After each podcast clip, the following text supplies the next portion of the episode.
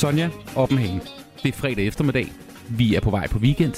Hvad rækker du ud efter i barskabet, hvis du skal fejre, at det er weekend?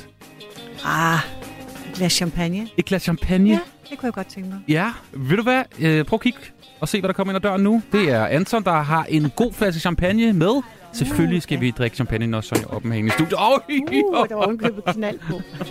I love you, my darling, love you, my darling, love you because you are you. You are mine and I am yours. I am yours and you are mine. I love you.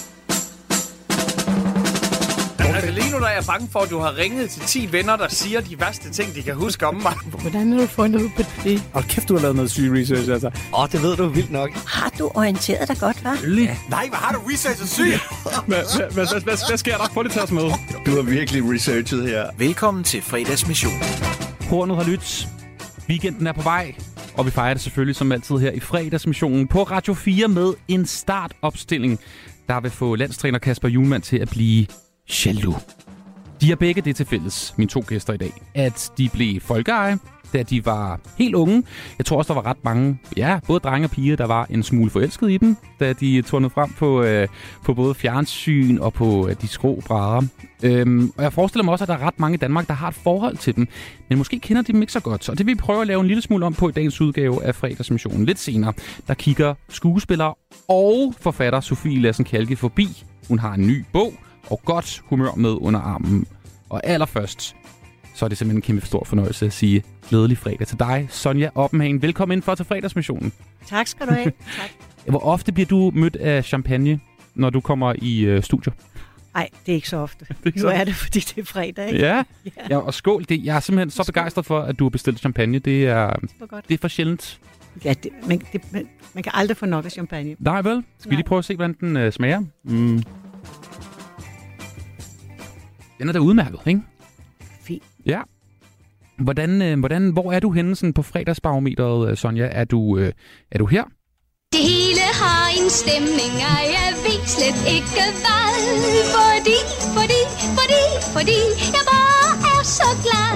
Eller er du mere sådan her? Du er en kedelig, gammel, ond mand. Hvor er du henne? Er du mest i den første? Jamen, jeg, jeg tror, jeg er. Okay. vil sige- fordi nu har vi bobler og det hele ikke foran os, så øh, jo, jeg tror, jeg er til det første. Hvad plejer du i grunden at lave sådan en fredag eftermiddag, Sonja? Åh, her ved du hvad, der er aldrig nogen af mine dage, der er ens, så jeg har ikke noget med, hvad jeg laver fredag eftermiddag, fordi jeg laver altid noget forskelligt. Mm. Det har jeg gjort hele livet. Og hvad kunne det være, eksempelvis? Jamen, enten det kunne være, at jeg var ude og læse ind noget ind fra en bog. Det kunne være, at jeg var holdt et foredrag. Det kunne være, at jeg gik til prøve på teateret. Det kunne være, at jeg var ude og optage til badehotellet. Det kunne være, at jeg hentede et barnebarn. Så der er mange muligheder. Ja. okay, så, ja, så du er også super øh, mormor, øh, farmor, Jeg er super farmor og mormor, Ja. ja. når jeg kan. Ja. og Ja. som man he- henter der øh, Ja. fredag eftermiddag, når forældrene måske lige skal have en, øh, en lille pause? Jamen, eller? jeg ved det ikke. Nej. Nej. Hey, øh, Sonja, du blev for sådan første gang et rigtig kendt ansigt i øh, Danmark, og det er altså et par sommer siden i forhold til, hvor gammel jeg er i hvert fald. Da du dansede øh, Pimes Forstikkerne i en juleballet i 1964. Det er faktisk 1963. Det er 1963! Ej, det galt. Det er faktisk 1963, og øh, ja, det er rigtigt. Jeg kom jo fra det Kongelige Teaters balletskole, og øh, blev smidt ud, som det hedder.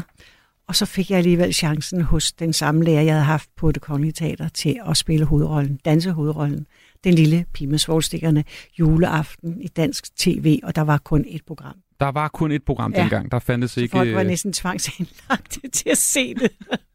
der var ikke TikTok og Instagram Nej, og nej, øh, nej. hav og tv-kanaler. Der var Nej. det, du kunne se. Ja. Var, var, var der tradition for, at man så altså, fjernsyn juleaften? Nej, det har vi nu aldrig haft i vores familie. Okay. Nej.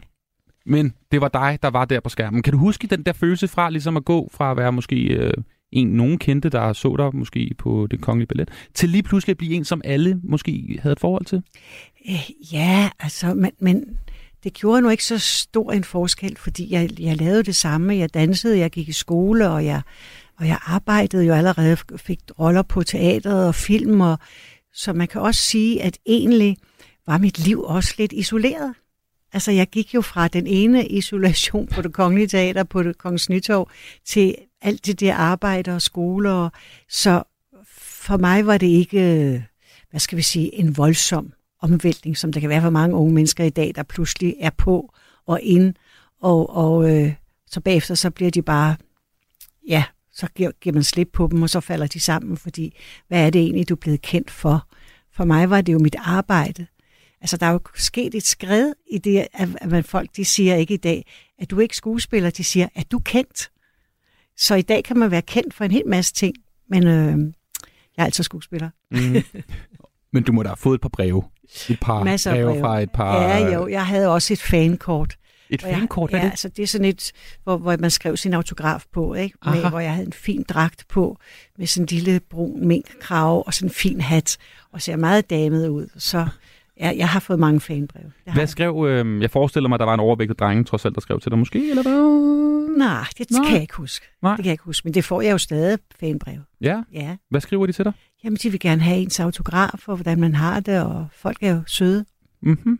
Og de, de for det meste søde. Der er ikke nogen... Øh, du har ikke haft stalkers? Nej, Ej. jeg har jeg ikke. Okay, Ej, det er godt at høre. Nå, øh, prøv at høre, lidt senere øh, i din karriere, der, du har jo lavet et hav ting, og det skal vi også snakke om øh, i dagens udgave, øh, Sonja. Men øh, især en rolle har ligesom brændt sig fast på min nethinde, og det er fordi, at øh, du var jo med i Min Søsters Børn. Ja, Og øh, alle de film så jeg en milliard gange, øh, da jeg var på ferie hos min mor og morfar, fordi de var på VHS-bånd. Ja, så gammel er jeg, trods alt. og der var du jo den store søster Rikke, ikke, der Jo. spillede øh, i, i den film. Og øh, der er især en scene, som jeg lige vil spille for dig, fordi den emmer også af lidt af fest. Og der er der nemlig bare lige nogle danse... Det er jo radio, det her, men du kan prøve at beskrive øh, den her scene, øh, når vi lige har hørt den. Hej, Hvad hedder du? Niels. Jeg hedder Rikke. Det ved jeg godt. Hvor vil du det fra? Det fortalte din søsken mig i dag. Nå, hvor kender du dem fra? Jeg lærer på deres skole. Skal vi danse? Det er godt. Ja, mine damer og herrer. Det var sådan, man scorede damer i bare øh, gamle dage. Bare lige komme over og spørge, hvad, hvad, jeg, kan, jeg ved godt, hvad du hedder. Vil du med ud og danse? Og så kører den bare. Øh, kan du lige prøve at beskrive, øh, hvordan ham her Nils ja. han danser? Han, han har en meget tætsiddende, sådan lidt kajefarvet... Øh, Nej, det kan jeg ikke huske, men han har et tætsiddende skjorte på. Ja, det er Ja, rigtigt, for det var jo øh, tiden. og sådan noget lidt pagehår-agtig Ja, ja, okay. stemning, ham Ja. her Nils her, som er lun på dig. Ja. Det kan man jo godt forstå. Ja. Øh, og så bryder han ud i dans, og hvordan er det, Nils han danser? Danser sjovt. det er så sjovt. Det er, altså gå ind på øh, YouTube og find det klip af, af, af Niels her i Min Søsters Børn, når de er værst. Den dans der, det er, jeg ved ikke, hvad jeg vil kalde den. Det er armen, der, der svinger rundt som sådan en vindmølle. Det, jamen, det sjove er jo, at Nils Henriksen, som han hedder, han er jo uddannet skuespiller på det Kongelige Teaters elevskole, og var, skal vi sige, øh, jeg, jeg kan ikke huske, om han på det tidspunkt var på det Kongelige Teater, men har jo sådan lidt anden uddannelse, så han er jo ikke sådan en gå i byen smart fyr, der, der kan lægge damerne ned, sådan rent dansemæssigt i hvert fald. Okay. Nå, det er meget pænt sagt. Men det virker som om, at det var, han var instrueret til at skulle danse. Han skal danse lækkert nu. Han skal score damer. Og Ja, jamen, jeg tror ikke, vi var instrueret til det. Jeg tror bare, vi dansede, som vi nu dansede. Ja. Det er Sonja Oppenhagen, der er i studiet. Kæmpe stort velkommen ind for her til fredagsmissionen. Du lytter til fredagsmissionen på Radio 4. Altså, skuespillerinde Sonja Oppenhagen, der er i øh, studiet. Og Sonja, du er jo faktisk lige nu med i en bog, der er aktuelt den udkom for en uge siden. De stærke kvinder fra Matador. Selvfølgelig øh, Gita Nørby, Malene Svarts, Kirsten Olesen og så dig, der medvirker i den her samtalebog, hvor I snakker om Matador og en masse gamle anekdoter og den slags. Men jeg synes, det er især spændende noget, som I har sagt i forbindelse med øh, bogen, at den blev lanceret og udgivet. Øh, et interview til Alt for Damerne, hvor I alle sammen er med. Og lad os lige høre et lille klip, som, øh, som jeg har fundet, hvor I, øh, I snakker altså her i interviewet. Der er ikke så mange gode kvinderoller stadigvæk, heller ikke på film, så på den måde er der jo ikke sket England, en- er, England er bedre Ja. til at lave forskellige aldre. De bruger bruger så... sådan nogle gamle damer. Jamen ja, og vi er jo ikke så kedelige. Det lyder som om, vi hygger jer her og snakker om, altså her, at, øh, I synes faktisk ikke, der er så mange gamle damer, der bliver brugt, altså skuespillerinder til øh, film, tv og også på til teater og den slags.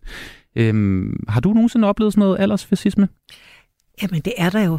Der er jo aldersfascisme, fordi lige så snart du er over de nogle par 40 år, så, så er der ikke de samme roller mere til kvinder. Der har mændene det stadig nemmere, og øh, det er helt klart, at det er meget, meget sjældent, at man bruger virkelig ældre kvinder. Og hvis man ser de engelske, tyske serier, og også film, der bruger man meget mere typer øh, ældre mennesker, end man gør herhjemme. Hvorfor tror du det? Ja, det må du spørge producenterne om. Ja. Ja. Du, du udtaler blandt andet i det her interview, øh, når mænd bliver gråhårede, bliver de interessante. Når mænd, øh, kvinder bliver gråhårede, så bliver de gamle. Og sådan har det altid været i vores branche. Og det har ikke ændret sig, har du altså sagt i det her interview til alt for damerne. Det er noget af en uh, udmelding, det, det, det kan jeg godt lide det her. Ja. Øh, det, lyder, det lyder til gengæld ret trist. Øhm, hvordan var det dengang, du startede i den her showbiz-branche, kan vi jo godt kalde det, inden for øh, teater og øh, film og tv og den slags. Var, var ældre skuespillerinder, havde de samme ligesom, problemer, som du oplever nu øh, i din generation? Altså det er jo også, hvis man kigger tilbage på de store klassikere, så er, så er der jo ikke sådan gamle mennesker med.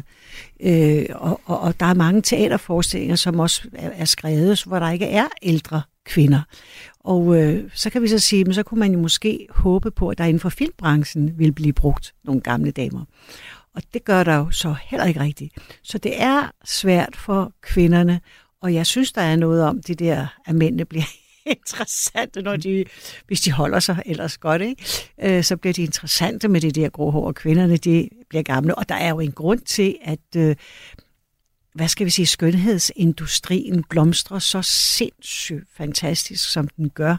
Det er jo fordi, at der alle prøver desperat på at holde sig så ung som muligt og se så godt ud som muligt, for at kunne blive ved. Mm. Hvordan har du det med så at være blevet en af dem, som måske ikke får lige så mange roller, og, og som også øh, får rynker og bliver ældre og den slags? Jamen, det har jeg det fint med. Jeg, jeg synes, at jeg har levet et langt liv, hvor jeg har været heldig, øh, og jeg, men jeg har også selv været meget aktiv til selv at producere forestillinger, og selv få fat på stykker og, og få det sat i gang. Men da jeg gjorde det, der var det også nemmere, og det var nemmere at, at, at, at søge penge hos fonde og sådan noget. Det er blevet meget sværere i dag. Så det er sværere for de unge skuespillere i dag at komme igennem livet. Det er det. Så okay, så det er faktisk både øh, svært for de unge, og så også svært for de Ja. ældre? Ja, ja, ja, ja, det kan man godt sige. Ja, men det er jo blevet sværere, fordi som sagt, så i, vi er før i tiden, der havde vi rigtig mange teatre i København, og, og øh, jeg tror, vi havde 11, og nu er der faktisk fire, og så er der de re- resten små, som man ikke rigtig ved om, hvad, hvad producerer de, og hvad penge er der. De har næsten ingen penge. Så, så det er blevet svært. Mm.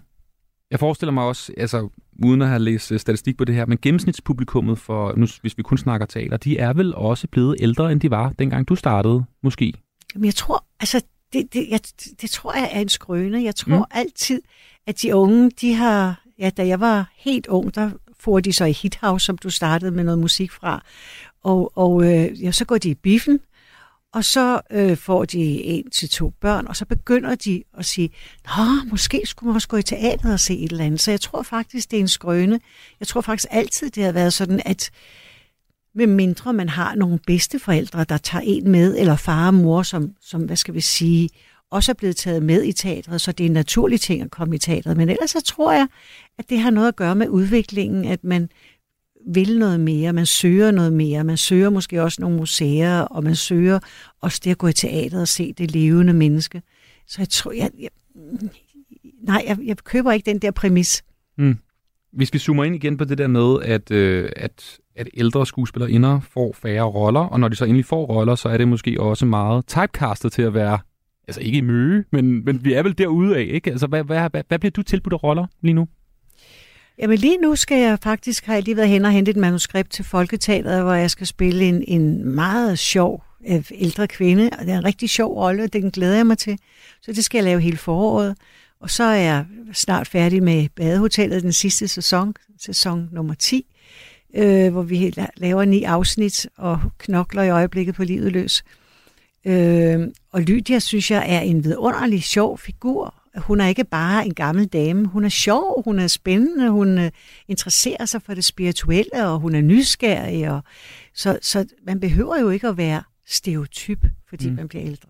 Hvordan var det dengang, du startede i faget? Altså ældre skuespillerinder, hvad blev de castet til? Altså var det også det samme som nu, at den samme situation, vi står i nu, der var ikke særlig mange roller til dem. Det var mændene, der fik rollerne. Så var, der var jo bare flere teatre, hvor der også blev spillet forestillinger, hvor der var til ældre skuespillerinder. Mm. Okay. Hvordan tror du, det kommer til at blive? Altså fremtidsudsigterne, lyder jo til, det lyder jo ret dystopisk, Sonja, når du lige øh, fortæller. Det lyder meget mørkt. Altså både øh, de unge og de gamle har det, det svært. Hvad, hvad tror du? Jamen, øh, måske kommer der en eller anden øh, revolution, hvor, hvor de unge skuespillere siger, at vi vil ikke finde os i, øh, i Netflix og HBO og hvad de ellers laver alle sammen. Måske så, så stiller de sig op på en ølkasse og starter forfra igen og siger, vi er skuespillere, vi vil også lave noget levende teater. Det kan man håbe på. Det kunne vi for. Sonja, du har taget noget musik med. Og ja. det skal vi høre nu, fordi øh, som altid, fire forskellige sange, der på en eller anden måde beskriver noget i, øh, i mine gæsters liv. Og øh, du har taget nogle, øh, nogle virkelig gode sange med, synes jeg. Overraskende også. Okay. det synes jeg. Vi skal starte med et nummer fra, øh, fra dengang, du var teenager. I hvert fald en sang, ja. der på en eller anden måde får dig tilbage til, øh, til den tid, og du har taget, øh, du har taget det her med.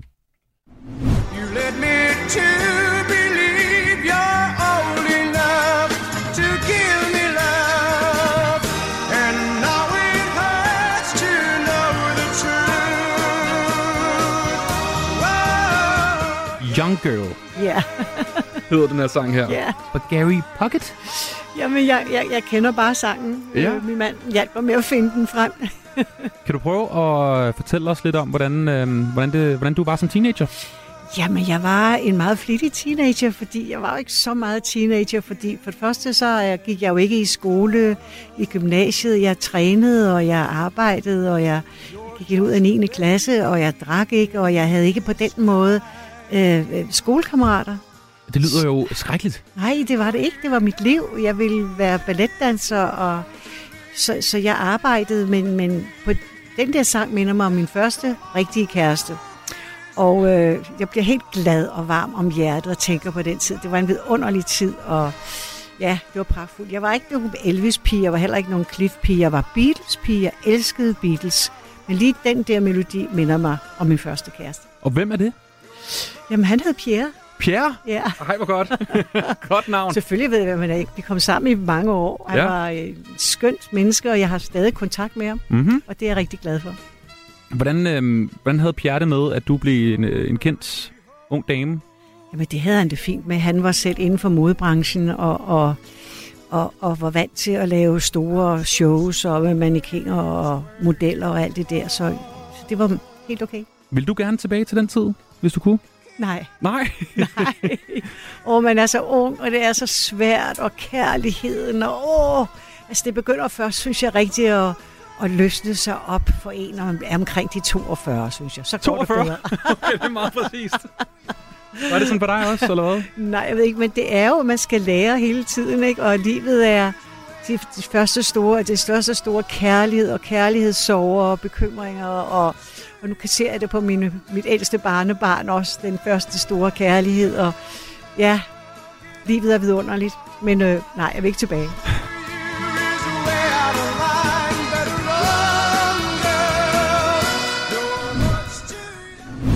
Jeg sætter mig på kanten af din seng Og du lærer til mig Verden svinder ind til ingenting når jeg ser på dig Du ligger ligesom mus så stille Og virker ubeskriveligt ille imellem Dine mange sjove dyr Men i drømmelejen finder vi to vejen ud mod nye eventyr.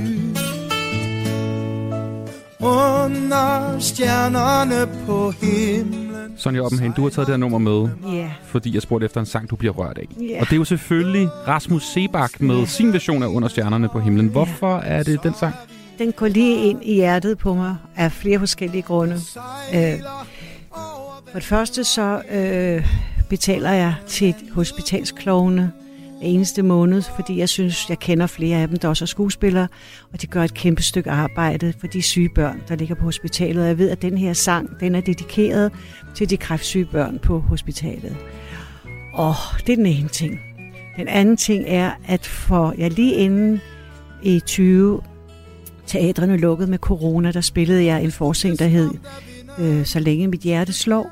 Og der spillede jeg en ældre kvinde, der lå syg i sengen, og min mand, han kommer ind, og det var Troels den anden munk, og så sang han den sang for mig hver aften i forestillingen, hvor jeg så står op og pludselig har sådan en guldkjole på, og det hele er ligesom en drøm.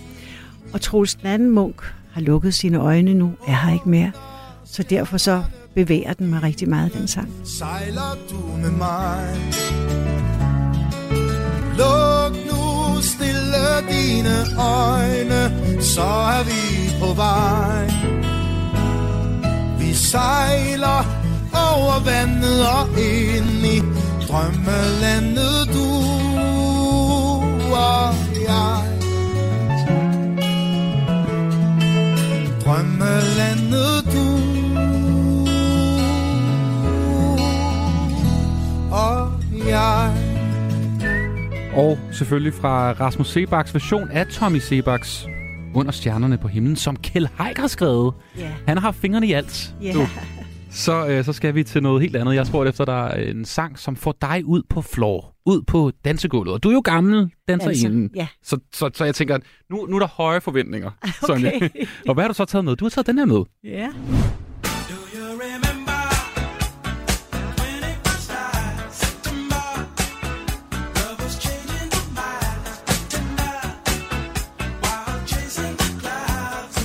bliver altså danset i studiet nu.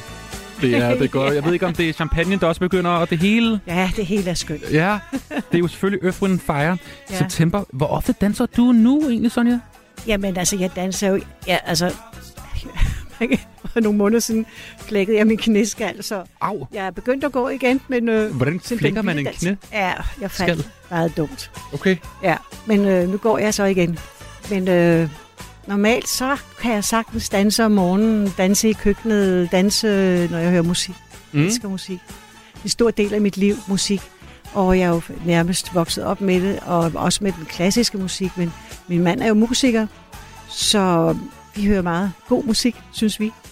Og hvad med, når jeg, I er til øh, fester og den slags? Er du også typen, der går ud på dansegulvet Ja. sammen med din mand? Ja. Ja, jeg vil gerne danse. Okay. Ja. Fordi der, det, er jo, det er jo meget en, hvornår er det, man går ud på dansegulvet? Der er også mange, der ikke gør det her i Danmark jo. Ja, ja, vi er simpelthen så kedelige. Altså, undskyld. Der er mange, der... Der er også nogen, der gerne vil ud på dansegulvet, men det er jo skønt at bevæge sig. Mm. Det er jo dejligt, det er livsgivende, det er ligesom at synge, det er også dejligt livsgivende. Er du en af de første, der går ud på, på gulvet? Ah, måske ikke den allerførste, men måske nummer to. Og fra, øh, fra sangen, der får øh, dig, Sonja, ud på dansegulvet, ja. Så skal vi til en sang som, uh, mystik. Ingen ved, at du, øh, du holder af. Og, øh, og, og det var simpelthen et nummer, som jeg heller ikke har hørt før, så på mange måder øh, win-win for mig, fordi. Ja. det er jo et vidunderligt nummer, det er den her. ja, det er det.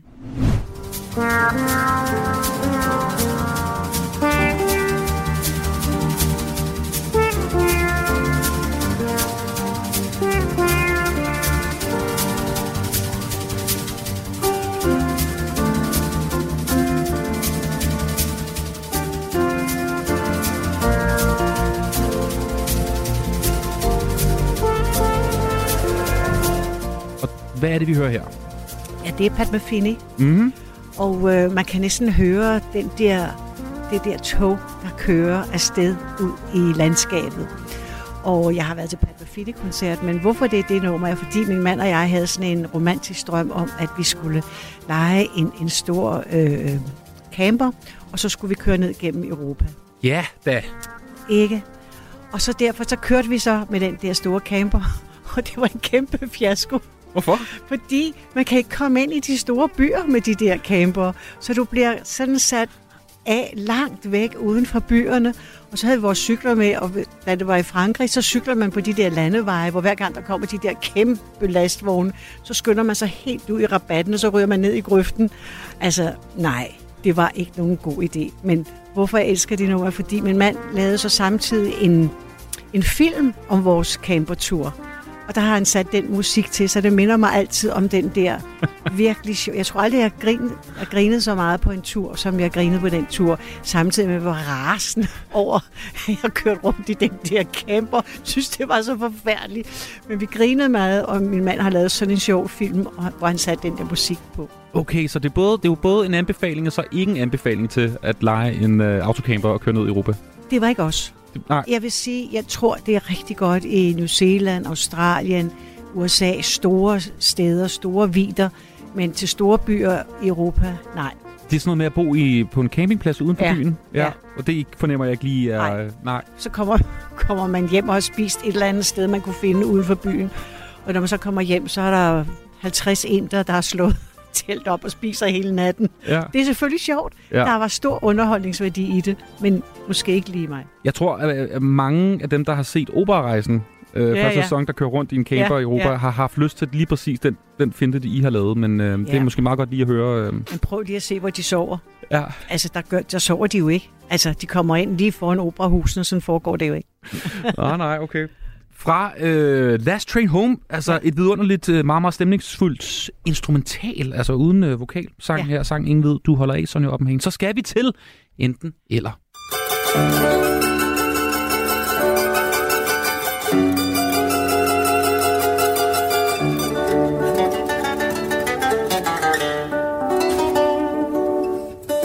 Sonja Oppenhagen, hvad var sjovest at lave, eller er sjovest at lave, Matador eller Badehotellet?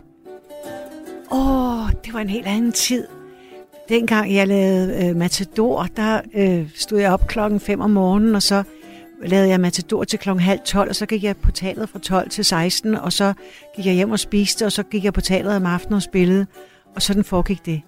Så det var en anden tid. Det var en anden tid. Og, og her i, i med badehotellet har jeg haft mere tid til at nyde og være der. Der har jeg ikke skulle skynde mig ud af døren på samme måde. Så øh, ja, øh, jeg, jeg, synes, at det er fantastisk historisk, de der store scener i Matador, hvor vi sidder og spiser hos Maud og Hans Christian. Øh, men øh, ellers så har vi da også haft mange skønne scener på badehotellet.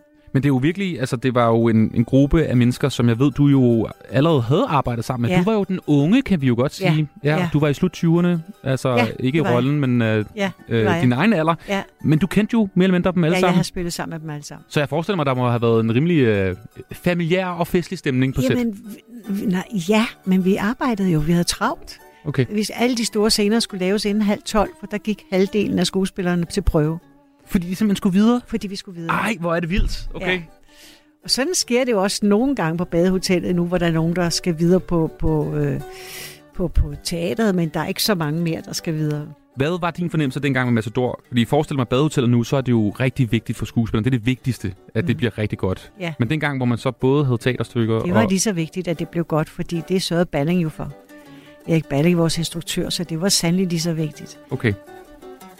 Du spiller selvfølgelig øh, Vicky i Matador, unge, søde Vicky, og i badehotellet, der er du jo øh, Lydia. Lydia. Ja. Hvilken genre ligger længst for dig, og hvad du har arbejdet med? Sengekantsfilm eller dogmefilm? Jeg tror, at Sengekantsfilm er det, der ligger længst fra mig. Ja. Ja. Ej, det har jeg aldrig gjort i. Nej, det, Nej. det, det ved jeg. Øhm, det var jo tilbage i 70'erne jo. Det var jo Ja. ja. en, øh, en pludselig sådan pop-up-genre i Danmark, Ja. ja. hvor mange store skuespillere jo var med jo. Ja, ja, men det skal de da også have lov til. Blev du nogensinde tilbudt en rolle i det? Jeg har i hvert fald aldrig sagt ja tak til det. Men blev du tilbudt en? Det kan jeg faktisk ikke huske, men jeg kendte dem, der producerede den. Og de tjente rigtig mange penge. Ja, de tjente nemlig mange ja, penge, ikke? Det var familien Sandberg, Anders Sandberg. Ja. ja. Ja, nej, jeg var ikke... Jeg var, nej, det kunne jeg aldrig drømme om. Fordi det var noget Og med... jeg tror heller ikke, de turde spørge mig. Nej. Nej. Nej, okay. Jamen, det var fordi, der var jo, øhm, der var jo selvfølgelig øh, Søltoft, Ja. øh, Ole, som jo havde de primære, Ja. altså han gik igen. Ja. Og mange af de skuespillere blev jo efterfølgende ikke brugt til så meget andet. De følte jo sig sådan lidt... men Øh, det var jo heller ikke mange af de der, der ikke havde så meget tøj på. Der var så meget skuespillere. Det er rigtigt. Ja, det er rigtigt. Men det er jo sjovt det der med de mandlige skuespillere. Der var mange ja, af dem, der det, var var, med. det er jo lidt sjovt, ikke? Ja. Ja. det Jeg tror, der er både Axel Strøby var med, og jeg tror, der har Nej, jeg tror ikke, Axel var med. Jeg tror, jeg tror Karl Stikker var med. Karl Stikker har været med i Ja. nogle af dem. Ja. ja. ja. Hvem vil du i øh, grunden helst møde og drikke et øh, dejligt glas øh, vin med? Mette Frederiksen eller Troels Lund Poulsen? Hvem tror du, der vil være sjovt? Nej, Mette Frederiksen. Ej, helt klart.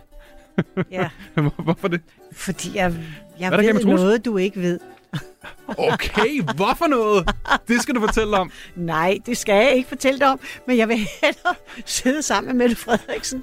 For øvrigt er hendes mand en meget dygtig øh, filmfotograf og instruktør, så måske er der lidt flere berøringsflader der. Aha, okay. Men hvad vil du sige til hende omkring øh, kultur, øh, ligesom området? Der... Og jeg vil sige, hvor er det trist, jeg har så dårlig kulturpolitik. Ja. Ja, det vil jeg sige. Ja. Ja, det er ærgerligt. Det var jo ikke slet ikke så vigtigt. Altså under corona fornemmede vi jo også, at det var ikke det, der blev i hvert fald prioriteret. Ja, øh, Nej, det må jeg man ved sige. ikke, hvad din oplevelse var. Jo, jo, vi blev bare syltet. Det er fredag aften. Ja. Du vil gerne ud, måske ud at danse. Telefonen ringer. Øhm, hvem vil du egentlig helst have er i den anden ende og invitere dig ud? Og nu leger vi altså, at vi er til måske tilbage i 70'erne. Dirk ja. Passer eller Helle Virkner? Ej, så vil jeg da helt ud, helst ud med Dirk Passer. Ja. ja. Hvordan var det? Fordi han var sjov og sprudende, men, men man skal forstå, at Dirk var et meget, meget genert menneske, så folk lærte ham ikke at kende. Overhovedet ikke. De kunne se på ham og se ham i fjernsynet eller film eller på teateret, der var han sjov. Men når man lærte ham at kende, så var han jo sjov og givende og morsom. Og, ja, men almindelige mennesker var han faktisk meget generet overfor. Mm. Ikke almindelige, men folk, som han ikke kendte. Det er jo nærmest blevet lidt en myte, det der med, hvordan han tog i byen, Dirk Passer. Ja, Øh, altså, at det var, der var fuld skrald hele natten. Men det var jo fordi, det var jo fordi, der lå så stort et pres på ham. Og det var også, man skal tænke på, det var en anden tid. Altså det starter helt tilbage også med Kjeld Petersen, at de går i byen, og de drikker hele natten, øh, og så sover de den ud hele dagen. Det var, det, det var noget helt andet. Sådan har mit liv jo aldrig været. Så, øh, men jeg vil gerne ud og danse med Dirk.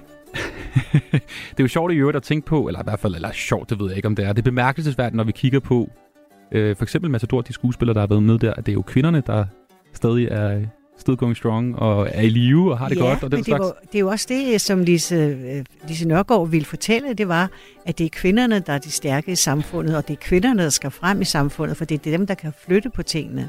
Så, så det var jo hendes mission. Øh, Lise Nørgaards mission var, kvinder, får jeg en uddannelse, så I ikke er afhængige af en mand.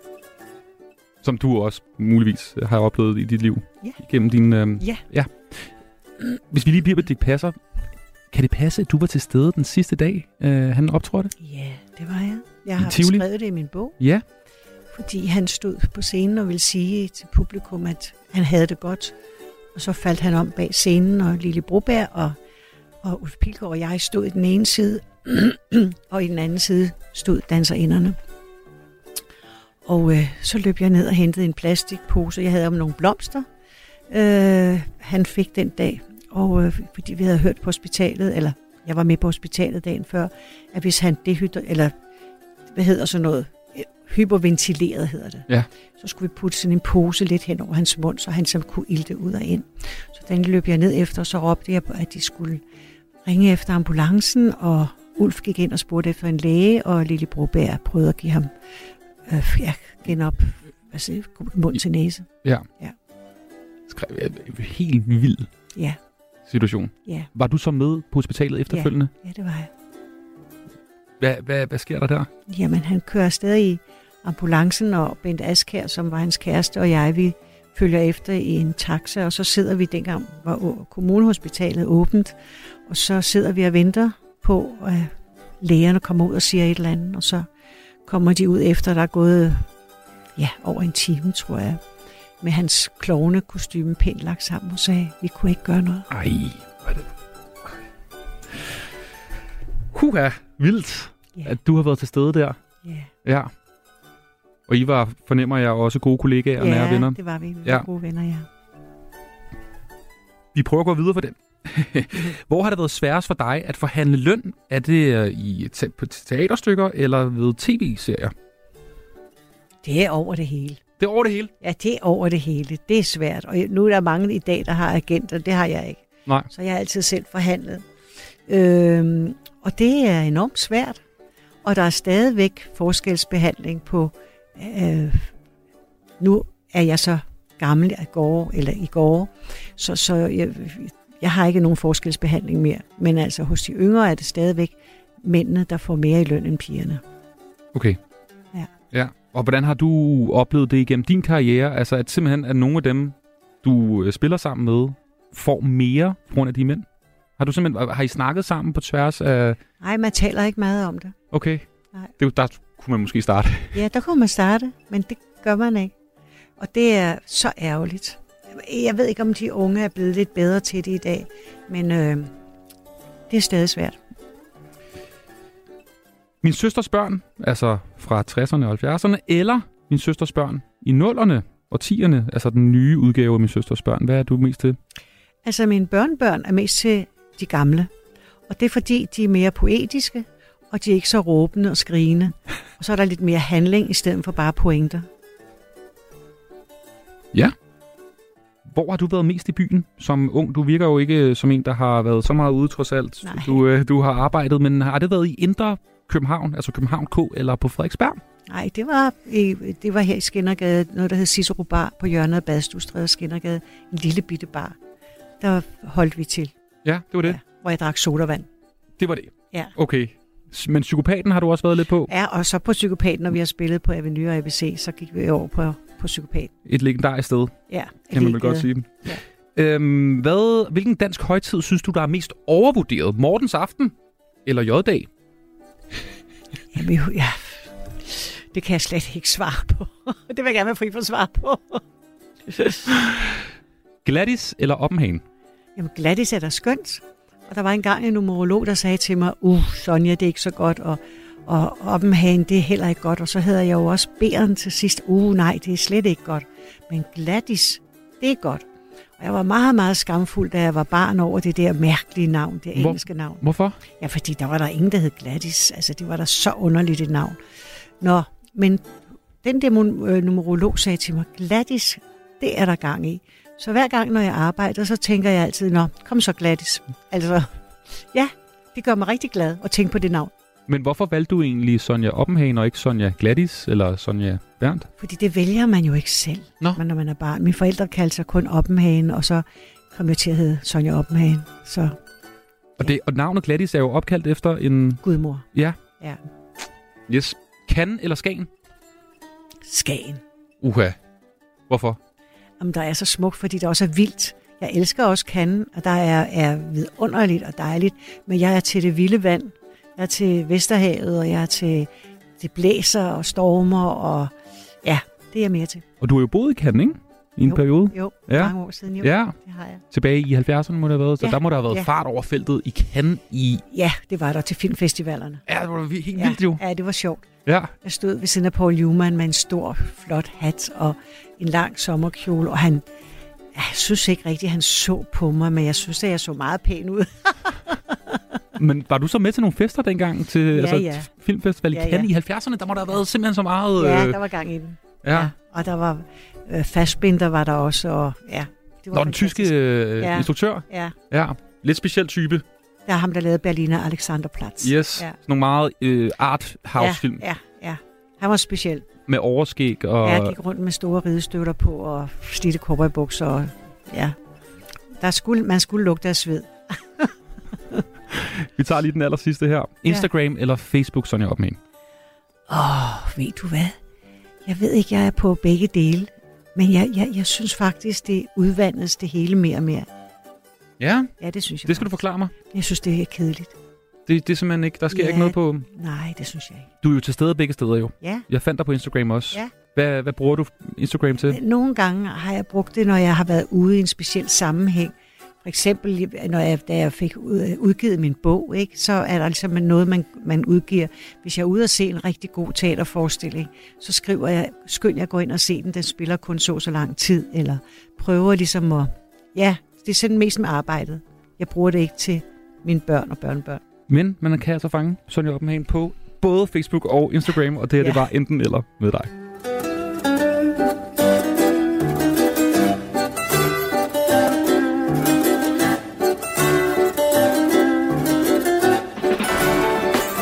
Til fredagsmissionen på Radio 4.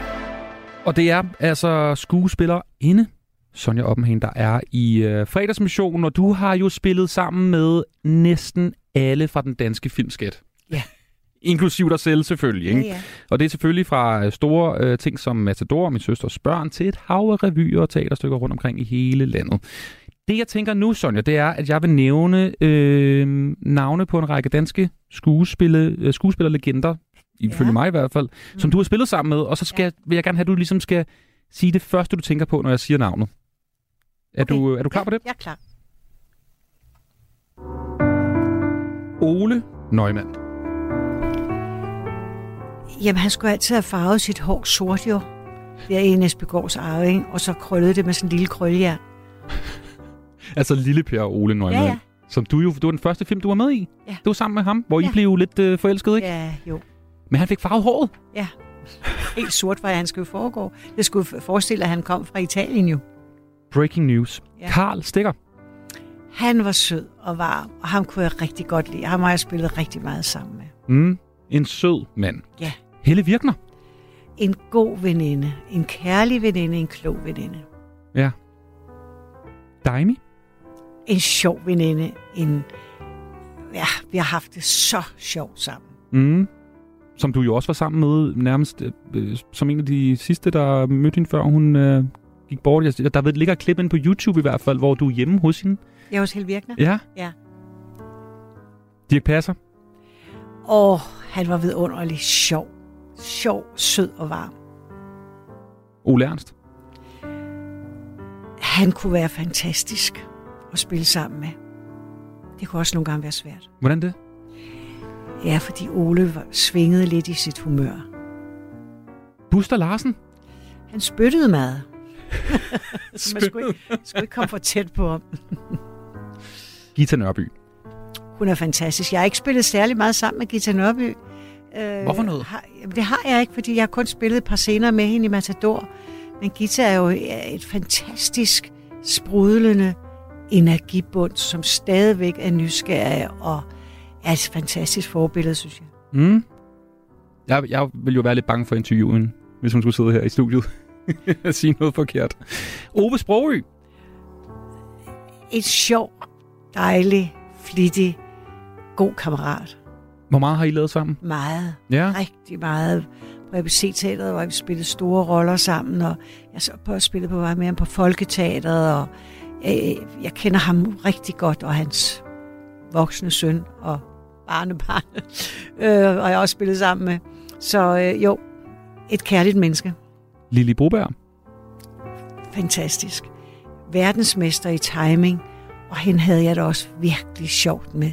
Og hun var bare så dygtig, og når man kom ud, så sagde hun, prøv at gøre sådan og sådan. Og så gik man ind næste gang og gjorde det, og så sagde man, yes, det var sådan, tak skal du have. Hun, hun arbejdede også altid med stoffet og var interesseret i os, da vi var unge. Mm-hmm. Når hun var en, der ligesom tog Ja. imod Ja. de yngre skuespillere Ja. Ja. med åbne arme. Sofie Lassen Kalke.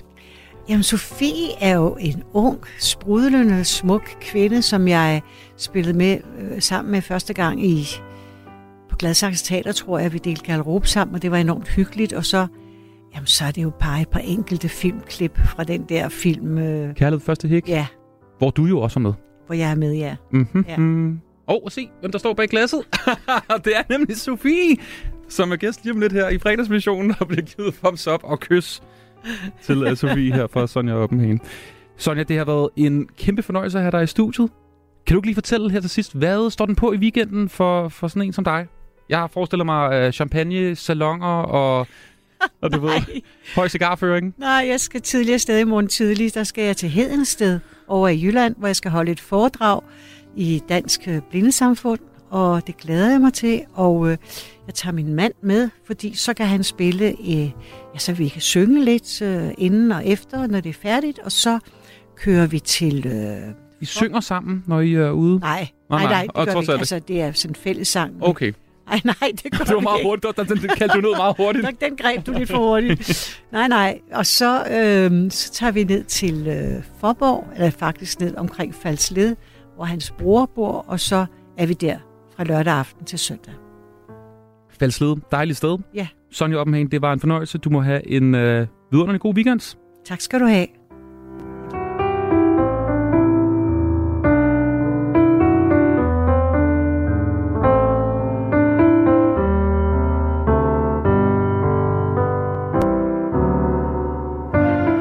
Mirko, tror du, jeg på de næste 55 minutter kan blive omvendt til at blive sådan en, en rigtig Swifty, ligesom dig? Jeg tror ikke, vi har brug for 55 minutter. Only in America er Danmarks eneste program dedikeret udelukkende til amerikansk kultur. Er det nu, at vi sætter Cry Me a River på? Ja, det tror jeg ikke, vi skal gøre, fordi... Øh... Er den sang blevet cancelled, eller hvad? Hver uge opdaterer Frederik Dirk Skotlib og Mirko Reimer Elster, der på det vigtigste, vildeste og mest vanvittige fra Guds eget land. Det tror jeg, det, det tror det kommer til at ske.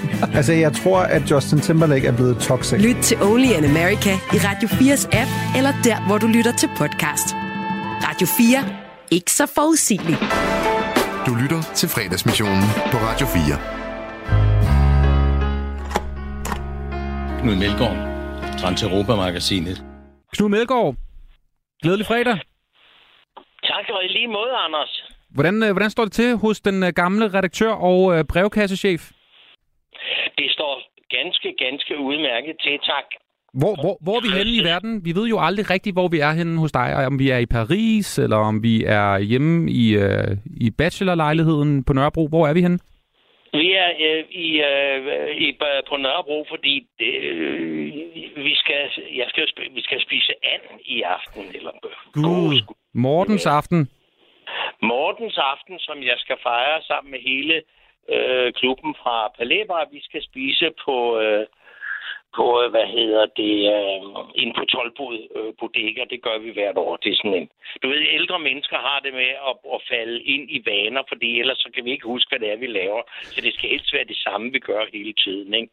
Kommer der så også en af de der, øh, de der sådan, øh, du ved, busser, som der kan hente folk, der er gangbesværet? Kommer, kommer de også og henter dig snart, så de kan følge dig over? Nej, Nej, der tager du helt fejl. Jeg kan godt høre, at du forsøger at være morsom. Det slipper du dårligt fra, søde Anders. Fordi i, i vores tilstand er det ikke sådan, at vi skal ikke køres til. Vi skal nogle gange køres fra. ja, det er sådan der. 1424 er jo stedet, man altid kan melde ind med øh, spørgsmål, kommentarer til programmet, og det er også der, hvor at, øh, de primære spørgsmål til Knuds øh, brevkasse kommer til. Og der er et par stykker, Knud, som jeg tænker, vi lige kan, kan komme igennem, før jeg slipper dig ud i øh, Københavns vilde, øh, vilde aftenmiljø. Er du klar på det? Det er jeg helt klar på, ja. Bare sæt i gang. Der er et, øh, et spørgsmål her, som jeg, jeg diger lidt efter at stille dig, fordi det er også et spørgsmål, som jeg på en eller anden måde ligger lidt mig på sinden. Det er øh, en øh, lytter, der er anonym her. Kære fredagsmissionens brevkasse, jeg vil gerne høre Knud Melgaards regler for, hvornår man som passager i et passagerfly kan rejse sig op, altså tillade sig at rejse sig op, når flyet ligesom er henne ved gaten, og man skal ud af flyet. Hvornår er det god kutume? Hvornår er det i orden at rejse sig op? Det er det, øh, vedkommende spørger om her. Det er der ingen... Det, altså, hvis der var nogen, der kunne svare på det, så kunne man afvikle cirka en tredjedel flere øh, fly i døgnet. Men det er at follow, follow the crowd. Altså, det er jo et eller andet. Hvis du sidder midt i, så kan du som regel vælge, om du vil forlade flyet af den ene ende eller af den anden ende. Men prøv at udvise lidt, øh, lidt al- almindelig høflighed, og sidder der en ældre gangbesværet redaktør, mig for eksempel, på den anden side, så lad lige mig rejse mig, øh, rejse mig først. Man skal du skal fedt ind, og så kommer der også an på, sidder du i en, og sidder du på første klasse i en jumbo jet, er det ligegyldigt, og sidder du i en, øh, en presset maskine til Stockholm, der er fyldt, fordi den skal hjem øh, fredag aften. Det er svært at at follow your nose, altså det er et eller andet, det er en fingerspidsgeføle, Anders, øh, og, og, og, og kære spørger. Øh, prøv, lad være med at stå i vejen, lad være med at rejse dig uden at gøre noget. Det er det vigtigste. Lad være med at rejse dig op, hvis ikke du med det samme tager din kuffert eller din håndbagage, og så bevæger dig afsted. Det forfærdeligt at stå og blomstre. Lad være med det. Følg din gode opdragelse. Åh, oh, jeg håber, du havde sådan en god, krystalklar øh, regel her, som man altid kunne følge, fordi det... Det kan jeg ikke, det kan jeg ikke have, for så ville jeg være en, en ualmindelig rig mand. For det er et, faktisk et skide godt spørgsmål øh, at få. Desværre er der ikke nogen, der rigtig kan løse det, fordi stadigvæk samme øh, gamle, garvede rotter er nogle kvejpander, fordi de, nej, nu skal vi rejse os op, og det er jo lige, når, når flyet har sat hjulene. Og når først der er en, der rejser sig op, så bliver det sådan et lemmingetog. Så farer alle op af stolene, ikke? Så, så nej, jeg har ingen patentløsning på det, desværre. Ellers med dig med baggrund i, øh, i flybranchen jo, så tænkte jeg, at det kunne være. Men øh, vi, vi går videre. Du har helt ret, Anders. Jeg har arbejdet for, for Sterling i mange år, og der er vel ikke mange, der har fløjet så mange miles, som, øh, som jeg har. Men, men øh, nej, jeg kan ikke give noget. Så vil jeg til at begynde at lyve, og det gør jeg kun, når jeg skriver fra Christiansborg. Hej gode gamle Knud, nu er der altså et nyt spørgsmål. Spørgeren hedder Bastian. Jeg sidder og planlægger en sommerhustur med drengene til næste sommer. Vi vil gerne et sted hen, hvor der er gode, slappe dage bademuligheder, men hvor man altså også kan gå i byen og møde smukke kvinder. Hold op. Hvorhen i landet skal vi tage hen, Knud? Dit bud trumfer alle vores egne. Skagen. Skagen kommer prompte. Ja, det gør det, fordi der, hvor, hvor gamle er drengene? Skal de med på værtshus, eller skal de puttes i seng? Men altså, det, og det, jeg er jo nødt til at tale om det, jeg har forstand på, øh, og det er sgu ikke ret meget. Men altså, Skagen, der er, øh, vejret er, er som regel godt, eller, eller også på Bornholm, og der er masser af gode muligheder for at gå i byen øh, i Skagen, og der er masser af masser af masser af gode sild Både dem, der er nede på, på, på havnen om, øh, om formiddagen, men også dem, som ligger... Øh, det, er, det er blevet moderne igen at blive topløs, har jeg, har jeg lagt øh, mærke til. Og det er jo noget, vi ældre mænd sætter stor pris på. Åh, oh, Knud, du skal gå med list, du skal gå med listefødder i den her, den her snak. Ja, jeg har haft mine egne børn, da de var 6, 8, 10 år, fordi jeg har kendt mange mennesker i Skagen, øh, og de nyder det. Ellers så holder mindre børn holder ikke af at være på ferie med deres forældre, men Skagen nyder alle, både voksne og børn. Så øh, Skagen eller Bornholm. Okay, det er, øh, det, det er i hvert fald et svar, må vi sige her. Øhm, der kommer også en her. Øh, det er en journalistspiger. Kære Knud, du er det store orakel. Jeg følger alt, hvad du siger hver evig eneste fredag. Hold da op, han, han smører. Du har chancen for at interviewe hvem som helst i hele verden lige nu. Hvem skulle det så være?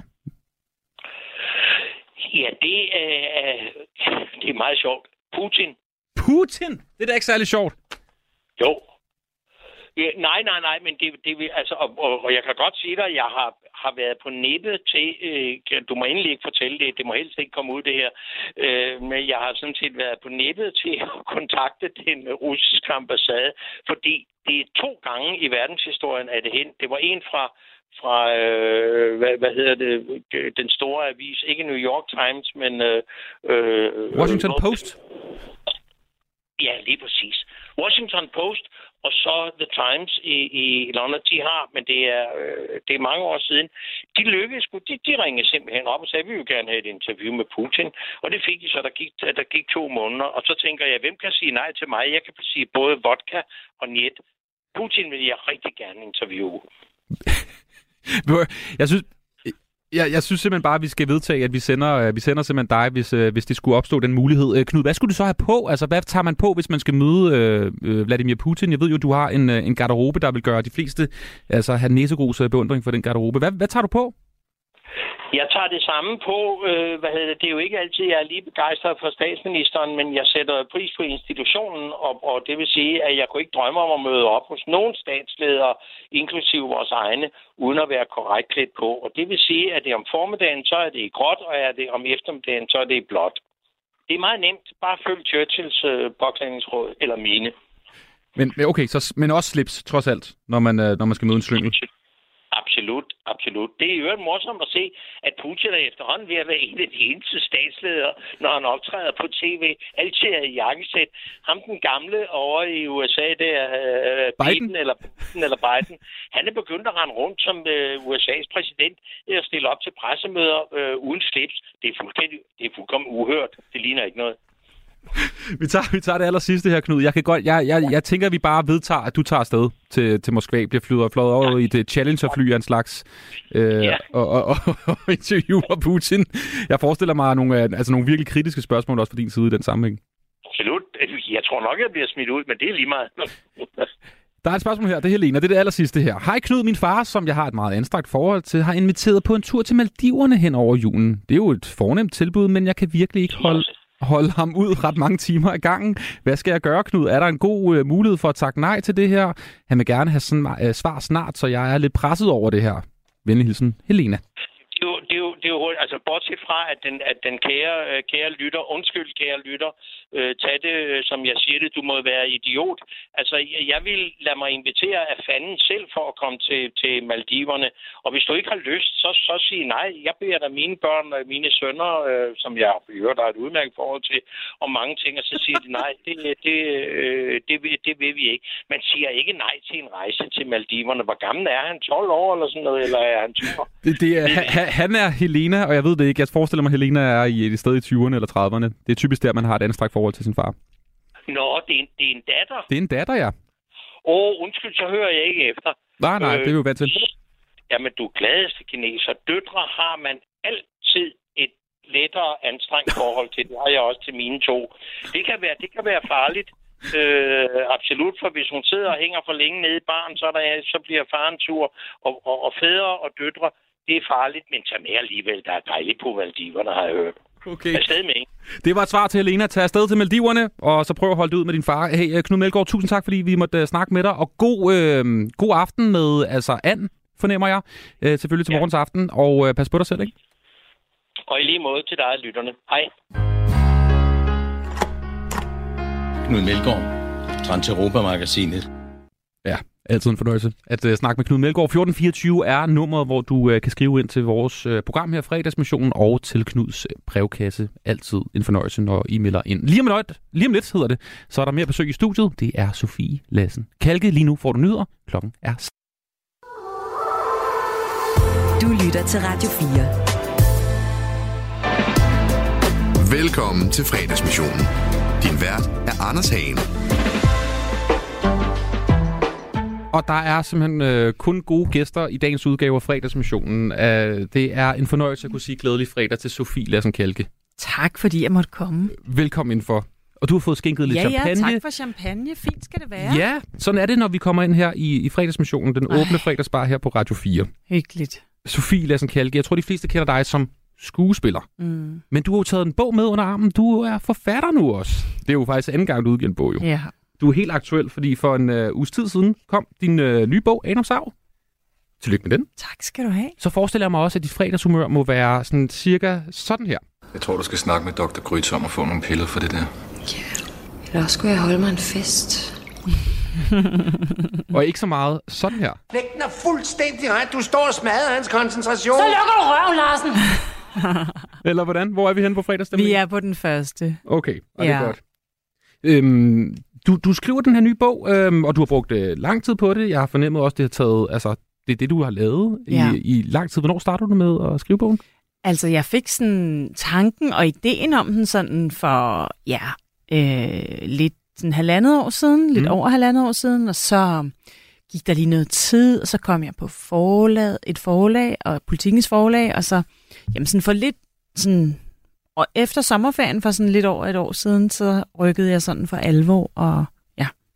Og, men så har det også været vildt intensivt, så det er ikke bare noget, jeg har gjort med venstre hånd. Altså, Nej. det er sådan ligesom, øhm, ja, det jeg bare har gjort, hvis Ja. man kan sige det sådan. Og øhm, der er jo allerede kommet nogle anmeldelser. Jeg vil bare læse en op fra Berlingske. Faktisk fristes man til at gå så langt som at sige, at Adams Arv er en skidegod hyggekrimi. Jeg synes du, hyggekrimi er et godt, øh, godt navn for det, det Adams Arv er? Ja, Ja. det er det faktisk. Øhm, det er faktisk det, øhm, den genre, jeg sådan, øhm, på en måde har sådan helt klart øh, gået efter, fordi jeg har ikke skrevet sådan noget. Jeg har jo kaldt det en krimi, men der er jo ikke noget sådan vold eller nogle voldsomme dødsbeskrivelser eller noget, der bare minder om det. Der er folk, der dør, men det er sådan på den, på den rolige måde, hvis man kan sige det sådan. Ja. Så derfor er det, og det fandt jeg jo ud af, at der er en genre for. Og det er jo sådan lidt hyggekrimi-segmentet, måske ikke sådan helt deri, men, men der, derhen vej imod, eller den vej hen imod. Så, øhm, så ja, Mm. er svaret. Hvordan, altså fra at være skuespiller til at skrive øh, hyggekrimier, hvordan, hvordan, hvordan, hvordan sker det? Jamen altså, jeg udgav jo en bog for to år siden om mit sådan fø- følelserne omkring det der med at være 40 og deromkring. Og i den bog, der var et spor om, at jeg drømte om at skrive en krimi, men at det ikke lykkedes for mig. Og øhm, da jeg udgav den anden bog, så kunne jeg mærke, at der var så mange, der spurgte sådan, om den krimi bliver den aldrig til noget, eller... Og så lige pludselig kunne jeg bare mærke, jo, det gør den. Og så tilmeldte jeg mig faktisk sådan et skrivekursus. Jeg havde det sådan, øhm, nu må jeg jo gøre noget. Altså, jeg, jeg følte sådan, jeg kan ikke bare sætte mig ind ved en computer. Jeg skulle ligesom sådan, jeg skulle lige lære noget sådan. Øhm, og så tog jeg på det her skrivekursus, og så var det faktisk det, der hos en, der hedder Iben Albinus. Og så var det helt klart det, det der ligesom, og hende, der ligesom gav mig bloden, blod på tanden til ligesom at sige, øhm, jamen det går jeg efter det her. Mm. Og man kan sige, øh, hovedpersonen i, øh, i bogen, Ursula Madsen, mm-hmm. øh, hun er jo advokat. Mm-hmm. Øhm, og så kan jeg jo glemme mig at tænke, fordi du er jo øh, uddannet jurist jo. Ja. Faktisk, altså du har jo øh, øh, frekventeret den her, det her navnkundige studiestræde, hvor studiet ligger, har du jo været Er rigtig meget. sunshine? Jeg har jo læst i 17 år, så det har jo været mit andet hjem, det her. 17 år, Sofie? yes. Fremdriftsreformen, det fandtes ikke dengang? Nej, men den kom jo så, og Okay. det er jo grunden til, at det ikke tog længere. og det er jo ikke engang løgn. Fordi da jeg havde læst i 14 år, så kom studiefremskridsreformen. Så gik den ikke længere. Så gik den ikke længere. Men det, der bare er pudset, det er, at der er mange, der sagde sådan, ja, men det forstår jeg jo godt, du har jo også holdt mange pauser. Og så må jeg jo sige, nej, jeg har ikke holdt nogen pauser. Jeg har bare øh, kun taget sådan øh, de fag, jeg kunne overskue, og fordi jeg jo arbejdede fuldtid, så også fik nogle børn, og så har jeg jo ikke kunne overskue særlig meget, men jeg har hele tiden været i gang. Og derfor, da, da studiefremskredsreformen kom, så havde jeg det sådan, jeg har simpelthen ikke knoklet, for det følte jeg, jeg havde i 14 år. Jeg ved, man må godt sidde og grine derude. Det er helt fint. Det har jeg masser, der gør i for, men det er i forvejen. Men så havde jeg det bare sådan, fordi jeg havde virkelig altså, hele tiden været i gang med eksamener, og det havde fyldt virkelig meget i mit liv. Jeg havde det sådan, tænk, hvis det bare er spildt. Mm. Også fordi, at de 14 år gjorde jo, at en meget stor identitet hos mig var jo det der med at være studerende og hen mod et mål. Men, altså, men, okay, men du var jo studerende samtidig med, at du var skuespiller øh, Ja. og lavede ret mange film Ja. og tv-serier og den slags. Ja. Så det, vil ikke, det var vel ikke et klassisk studieliv, du, du levede? Men i starten var det. I starten mm, levede jeg... Og Yes, det gjorde jeg. introtur Ja. og rustur og alt det yes, der. Ja. fuldstændig. Og det var det, jeg elskede. Og jeg tror måske, at man måske også kan se lidt, det nu her, når jeg er blevet lidt ældre. Øhm, jeg kastede mig 100% ind i det der studieliv, og jeg elskede det så meget. Og det var faktisk lige præcis samtidig med, at kærlighed første hik kom, og, og det ligesom blev gejlet meget voldsomt op. Og jeg Mm. mm. tror egentlig, man måske også kan, kan læse i min sådan, hvad hedder det, sådan dedikation til studielivet, at jeg virkelig havde brug for sådan en modpol. Øhm, jeg havde brug for at sidde meget på læsesalene, jeg havde brug for fredagsbar og i mit liv, jeg, og jeg elskede det. Jeg, altså det der med, det var jo sådan lidt voldsomt. Altså det andet liv, det fløj, man kunne godt have fløjet sådan lidt afsted og tro, man selv var mega fed, og man, altså... Øh, øh, og, derfor så tror jeg bare, at det andet, det sådan holdt mig grounded, og det havde jeg brug for. Det havde jeg heldigvis sådan en indre stemme, som kunne, kunne se. Og Men, men Sofie, prøv lige at tage os med på sådan en, altså en fredagsbar på Jura, øh, da du er verdenskendt i Danmark, og kærlighed først ikke kom ud, så kommer mm. Du ind på en fredagsbar på Jura, det må da have været, det må da have været van, vanvittigt. Men det var det Folk faktisk stod ikke. kødrand rundt om dig. Nej. Og! Nej, nej, nej, det var det faktisk ikke. Og det er jo nok også derfor, at jeg elskede det. Altså, det var bare sådan... Det kan godt være, det er noget, jeg har bildt mig ind, men det tror jeg ikke. Jeg havde jo vildt mange gode venner der, og også nogle, jeg havde gået i gymnasiet med, så, så det var jo nok også det, jeg elskede, at det bare sådan var... Ja, jeg var en del af sådan et studieliv. Mm. Det kan godt være, at jeg har levet en illusion, det tror jeg ikke. Har du stadig sådan nu, at du, du, du kan altid falde tilbage på det? Du har pustet en, øh, Ja, du ja. sådan en madras op, du lige kan lande på, hvis nu både det her forfatterskab. Mm. og skuespil, det ikke går, så kan du altid blive jurist. Ja, ja, men det, det er ikke sådan, jeg nødvendigvis tænker, og det er slet ikke derfor, jeg har gjort det. Altså, så kan jeg lige så godt, så vil jeg måske, så kan det være mange ting, andre ting, som jeg også vil, men det er klart, det er jo sådan, men det er jo også noget, jeg synes, der er sjovt, skal det lige siges, og interessant, men jeg tænker ikke sådan, at det er sådan en, øh, en pude, jeg kan falde tilbage på. Det tog dig 17 år om yes. At blive jurist, og det tog dig halvandet år at øh, skrive den her bog. Ja. og, øh, og, som, og mit startspørgsmål var netop det der med, hun er tilfældigvis også advokat inden for den der branche der. Er det helt tilfældigt? Og så at- sagde jeg, at jeg er ikke advokat. Jeg er ikke advokat, jeg er jurist. Jeg er jurist. Ja, det er noget helt andet. Men er det helt eller tilfældigt? kant jur, eller hvad man vil sige. Er det helt tilfældigt? Nej, det er da overhovedet ikke Nej, tilfældigt. Okay.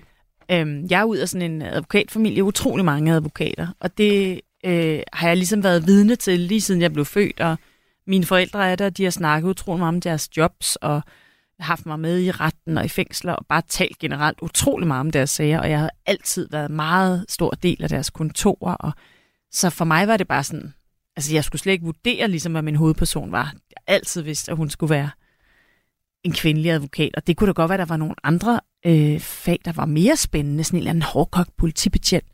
Men det var bare no-go. Altså, det var sådan her, det skulle være. Det vidste jeg bare. Adam Sauer hedder bogen. Sofie Lassen Kærke, det er en fornøjelse, du er i studiet. Velkommen Er indenfor. vi færdige? Ja, det var det. Øh, nu skal- tager vi næste kvindelige skuespiller ind lige om et øjeblik. Nej, vi er De der står ikke. bare i kø derude. Lige om det jeg kommer for, er der allerede gået en time? Lige om det kommer Daimi. Nej, øh, nej, jeg vil bare sige skål og velkommen Skål. indenfor. Den allerførste gang De allerførste ord Den allerførste sang sætter dybe spor Fordi, Sofie, nu skal vi lige en uh, smut tilbage til sådan, ja, nullerne og tierne. Fordi du er jo en kvinde, der har været uh, sindssygt meget omtalt i, i medierne, og uh, måske også skulle stå model til lidt af hvert. Hvem ved? Mm. Det kan vi jo finde ud af. Så jeg har lavet en lille quiz, eller rettere sagt, øh, Anton fra redaktionen har lavet en lille quiz, som vi har valgt at kalde for kalke eller falsk. Er du klar på det? Mm. Vi har fundet en uh, række overskrifter, artikler fra et stort mediearkiv, hvor du har været med i lidt af hvert. Mm. Både selvfølgelig på grund af Kærlighed Først og Hæk og Annie efter Victor og det hele. Øhm, og jeg tænker lidt, at uh, jeg vil kaste ud i det. Er du klar på det? Jeg hoster lige. Ja, endelig. Altid godt lige at hoste af, når Ja. man skal, skal quizze. Okay. Nu har vi fundet nogle artikler. Øhm, og vi kan måske lige deklarere, at de her artikler har det til fælles, at de fleste af dem altså udkom for ret mange år tilbage. Og nu skal du altså vurdere ud fra overskriften, om det er kalke eller falsk. Okay? Mm. Mm. Sofie Lassen Kalke. Jeg har store nosser. Kalke. Det er kalke, Mm. og det er fuldstændig korrekt. en artikel fra 2015, øh, der handler om, at øh, du har meget erfaring. Store nosser. Oh, ja, Det er et smukt ord, ikke? Ja. Jeg kan noget med ord, Ja, viser det jo. ja. Hvad tænker du umiddelbart? Øh, Fint. Om, om, om jeg tænker om hvad? Om, om en artikel, der hedder, du har store nosser? Jamen, jeg har jo selv sagt det, jeg kan godt huske det. Mm. Jamen, jeg tror, altså, det som alting skal det jo tages, er det jo taget ud af en kontekst. Aha. Øhm, og det er jo sådan noget med nogle gange, og så sådan, nej, men er du, var du meget, er du meget sød, og bla bla bla. Og så har jeg jo sagt, jeg har faktisk ret store nosser, og pling. Buff, så ligger den der. Okay. Ja. Øhm, vi går videre til den næste. Er du klar? Mm. Sofie Lassen Kalke går amok på tysk filmstjerne. Er det kalke eller falsk? Falsk. Du siger, at det er falsk. Og det er fuldstændig korrekt. det er bare noget, vi har fundet på. Men du har jo... Jeg en- har faktisk gået amok på en tysk filmstjerne. Ja, prøv at fortælle. men det tænker jeg ikke er nået til de danske medier. Nej, den, den breaker vi nu. Ja, jamen jeg har jo faktisk lavet mange ting i Tyskland. Jeg har lavet flere tv-serier, og jeg har også lavet en film dernede til tysk film, mm-hmm. til Mhm. tysk tv. Ja. Øhm, jeg, hvor jeg spillede hovedrollen i en film øhm, ja, med en, øh, en, en, en mand, der hedder Dietmar Bære. Øh, så ham jeg gik amok på, tror jeg faktisk. Altså, Øhm, altså ikke på filmsættet, men i filmen. I filmen. Ej, jeg kan heller ikke huske, om jeg gik amok på ham. Men øhm, ja, og det øhm, elskede jeg. Der, var- det er også det der med at komme sådan ud af, som du selv nævnte, sådan sin rolle. Og ej, jeg havde bare lavet film med alle filmarbejdere, fra jeg var helt lille og jeg, eller øh, ung, og jeg følte sådan, alle så den der 14-årige, der kom ind ad døren hver gang. Så det var bare sådan ret fedt at komme ned på sådan et sæt, hvor de var sådan, Hallo, har du lavet film før? Og det, og det der med sådan at blive set på med helt nye øjne, Mm. øhm, det synes jeg var virkelig skønt. Og så det tyske folk elsker. De er virkelig søde og høflige. Hvordan kom du på den idé at komme til Tyskland? Til, med, med, Jamen, altså faktisk øh, er historien, at jeg var i, i sådan et bureau, hvor der var en, en stor skuespillerinde herhjemme, som, som aflyste øh, den, en rolle, hun skulle have. var, det, var det Sonja Oppenhagen? Ja, det, Nej, det var det ikke. Det synes jeg, hun skal have lov at have i fred.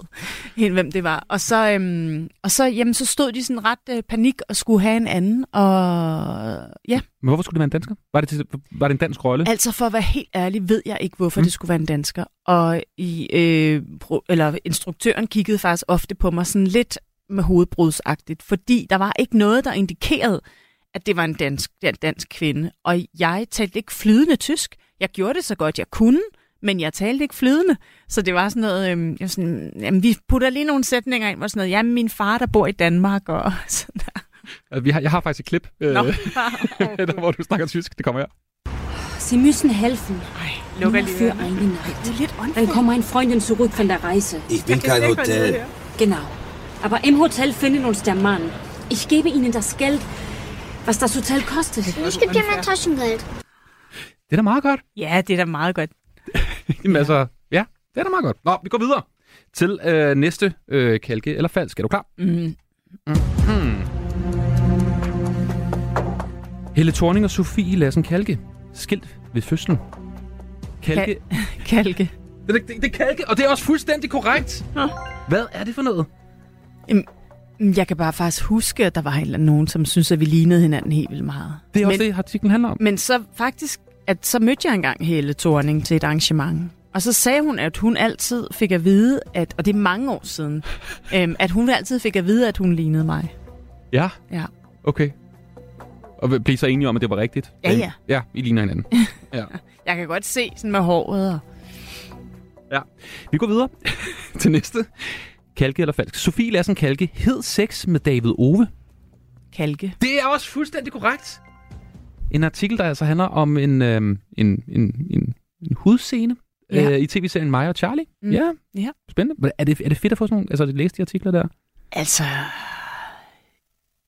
Altså lige der kan jeg sådan huske, at jeg tænkte sådan, altså sådan lidt træt. Altså jeg kan, jeg kan huske, hvor jeg var, da jeg stod på en tankstation og så det. Ja. Og jeg var sådan lidt, åh, men altså, så jeg vil sige, at jeg har været vant til så meget. Men det er sådan lidt, åh, skal mine bedsteforældre ud og købe ind i dag, kan jeg huske, jeg tænkte faktisk. Øhm, men igen, det er jo sådan, det, er jo noget, det var jo noget på film, og ja, men jeg kan faktisk tydeligt huske, at jeg stod på en tankstation på Fyn og tænkte sådan, ej, bare de ikke lige skal ud og købe ind i dag. Det, ja. Fuld forståelse. Tager den næste her. Vi bliver lidt i samme øh, boldgade. Sofie Lassen Kalke, det er meget med dit, dit navn i de her ja. overskrifter. Kælet i mørket. Øh, falsk. Det er Kalke. Nå. Desværre.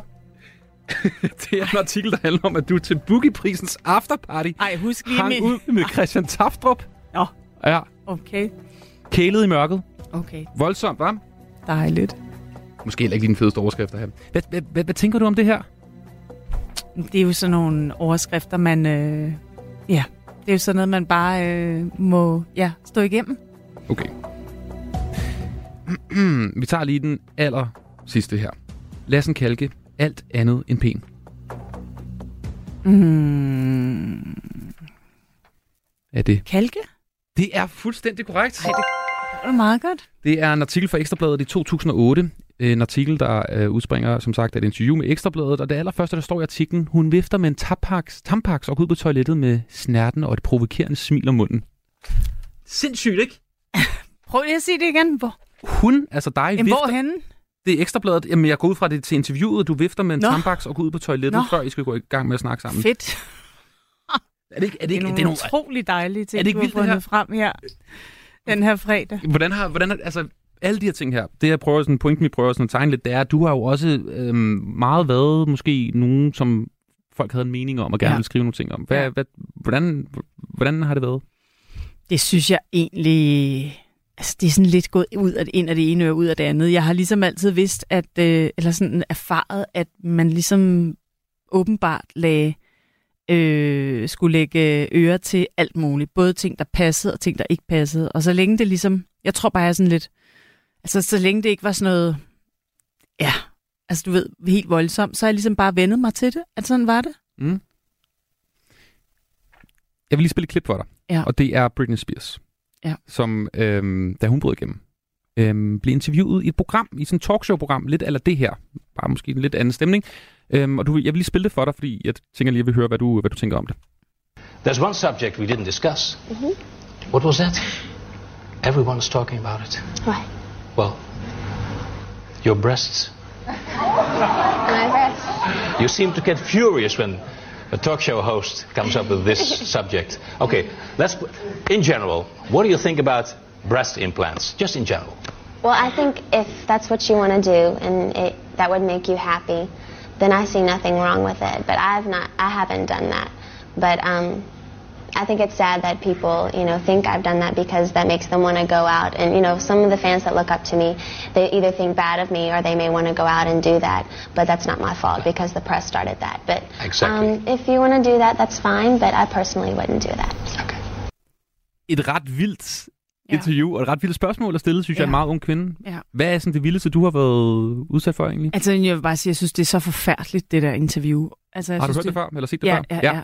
Og jeg synes, det er så forfærdeligt. Altså, det, det vidner jo bare det, om det der med, at man jo ikke ser sådan, så sådan nogen som, som hende som et menneske. Altså, prøv- hvor gammel har hun været her? Jeg tror, hun er teenager på det tidspunkt. Ja, ja, og jeg så 17 det, år, det lige der klip, hvor hun bare sidder og ser helt forvirret ud, og hvilket jeg da godt kan forstå. Altså, så er der en eller anden mand på sådan en kæmpe talkshow, der sidder og siger, vi taler jo alle sammen dine bryster i hele verden. Men, altså, det er da så forfærdeligt, og det er så modbydeligt.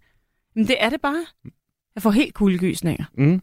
Og jeg kan slet ikke huske, hvad du spurgte mig om nu. Det var bare, hvad det vildeste, du har oplevet i den sammenhæng. Fordi, ikke fordi jeg vil lave en præcis sammenhæng mellem dig og Britney Spears, men det er alligevel en samme periode i tiden, Mm. at de begge to sådan bryder igennem der i starten af 0'erne, Ja. 90'erne.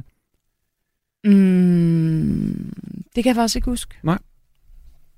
Har du, har du nogensinde siddet i sådan nogle interviews, eller siddet i nogle sammenhæng, hvor du synes, det har været sådan ubehageligt i forhold til måske, hvad din kollega har oplevet, som er et andet køn? Det har jeg nok. Det har jeg helt sikkert.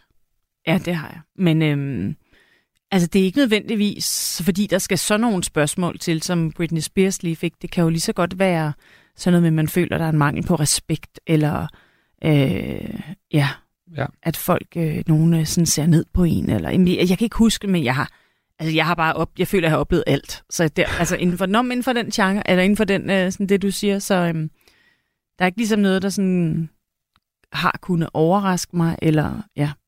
Det Men jeg, også- men jeg synes også, at jeg altid har, hvor Britney Spears jo altid måske har omgivet sig med nogen, der ikke vil hende det bedste, så har jeg arbejdsmæssigt, synes jeg, altid omgivet mig med nogen, der vil mig det bedste, og der har altid været folk sådan, til at hjælpe, øhm, og sådan sørge for, at altså det, hvis man oplever sådan noget, hvis man så lige kan gå ud af døren og tale med en om det, og sige sådan, De spurgte om min... hold kæft mand, altså hvad fanden skete der? Og der så lige er nogen, der giver en noget kærlighed, så kommer man hurtigt videre. Men hvis der bare står nogen uden for døren, der, der totalt udnytter en, så bliver det jo endnu værre. Mm. Så Det virker til, at du også har været meget sådan, ikke involveret, men du har fulgt også med i situationen med Britney Spears og hendes nye bog, og den slags. Det virker Ja. til, at du har... Ja, ja jamen, ja, jamen, altså, jeg har faktisk bare lige set det der klip, og så øh, har jeg lavet et andet interview, hvor jeg også blev spurgt Ej, til okay. sammenligningen. Så derfor er jeg helt inde i det. Ja. Ja.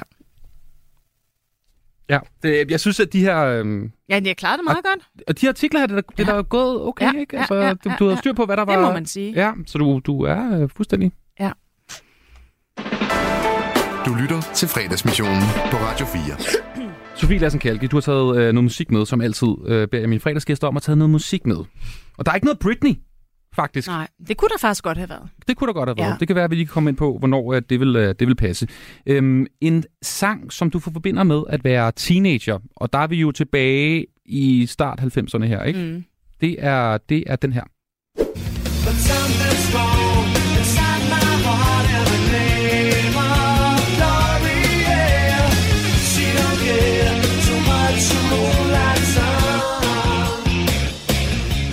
jo god gamle Decimus Lizzy. Ja, jeg hørte dem lige på Fanø i, er det måske sidste sommer, forrige sommer. Ja, og der, der er du tilbage, når du hører dem. Ja, det er jeg virkelig. Ja, men prøv lige, hvordan, hvordan ser det ud her i, i dine teenageår? Det Hvad kan jeg laver ikke du? huske. Hvordan, øh, Øhm, jeg kan huske faktisk, øhm, at øh, jeg først lige havde fået rollen i Vildbassen, som var min første film. Jeg blev at hoste igen. og jeg brugte den som vækkeur om morgenen. Dizzy? Ja. Med Glory?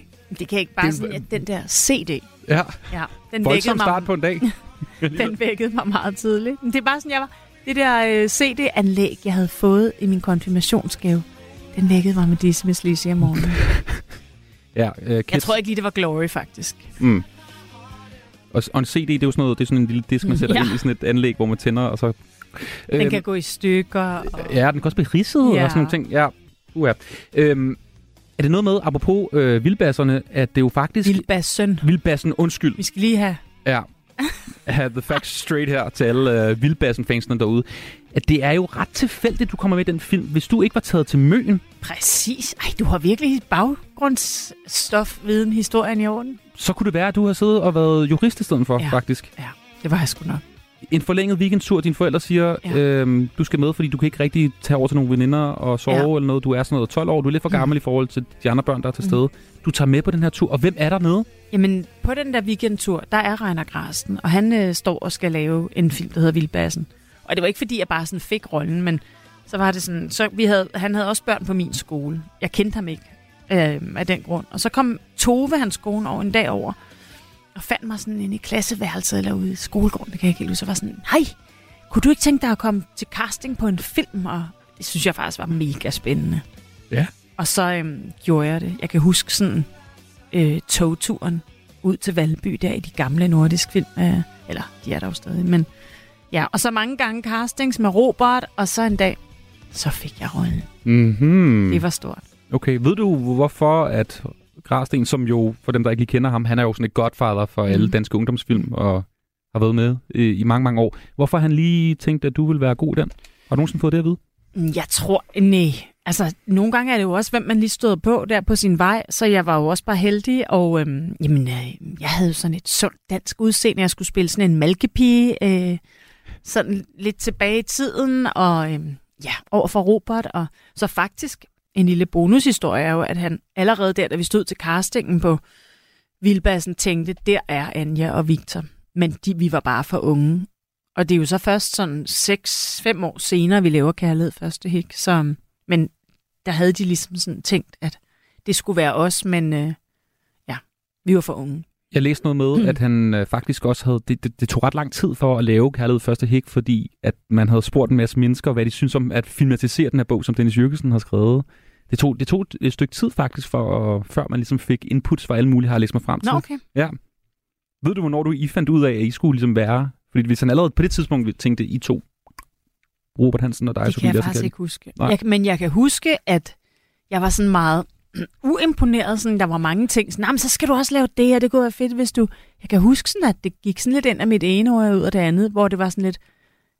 Ja, ja, lad os nu se. Altså sådan, fordi der var så mange sådan... Øh, altså, ja, jeg havde sådan en... Og det tror jeg også er meget godt, når jeg ser tilbage. Sådan lidt uimponerethed over Mm. sådan... Altså, det var først, når jeg ligesom stod på et filmsæt, at jeg troede, at det blev til noget. Vil du gerne være skuespiller på det tidspunkt? Øhm, nej, jeg var vildt forvirret. Fordi at det der med at blive kastet ind i en branche på et tidspunkt, hvor man måske begynder at tænke, hvad skal jeg? Og jeg var egentlig meget sådan, øhm, jeg var egentlig sådan meget skoleagtig. Elskede at gå i skole, og så, så det der med at studere var måske ikke så fjern for mig. Og lige så blev jeg hævet ind i sådan en kreativ verden, som var vildt fed og vildt skøn. Men jeg var ikke sådan personlighedsmæssigt klar til at, at søge ind på en skuespillerskole endnu, så jeg var sådan lidt, hvad fanden skal jeg egentlig? Og det var også derfor, jeg søgte ind på jura. Fordi lige der havde jeg ikke så meget at lave, og der søgte mine veninder jo ind på nogle studier, og så tænkte jeg, det gør jeg også. Mm. Ja. Hvad, hvad tænker du når, med dine børn, når de engang skal vælge uddannelse den slags? Fordi mm. du er vel ikke det, sådan, det kerneeksemplet på, hvordan man bliver skuespiller, hvis man gerne vil det. men måske er jeg et eksempel på, at man ikke skal være bange for bare sådan at gå den helt slagende vej. Måske er det også det der med, at jeg nu har skrevet en bog. Måske er jeg et eksempel på, at man, øh, at man må selv finde på, hvad man skal for at få et sjovt liv, og det liv, man gerne vil have. Og så kan det godt være, at man er uddannet et, for eksempel skolelærer eller jurist, men så bruger man ikke lige altså sådan uddannelsen på den gængse måde, men så bruger man den måske indirekte på en anden måde. Altså alle behøver jo ikke lige sådan komme ud af det der sådan, forstå mig ret, altså lige sådan det der hul, og så lave en specifik ting. Man kan jo godt bruge sin uddannelse på en anden måde. Det kan godt være sådan i de der statistikker, at, Mm. eller nogle politikere eller et eller andet, synes det er fedt, at man bruger sin uddannelse til, sin, til noget specifikt. Men sådan rent personligt, så vil jeg gerne slå et slag for, at man også er lidt kreativ. Og så altid siger ja til at med, tage med til Møn. Det, Og altid siger ja til weekendtur på Møn. You're not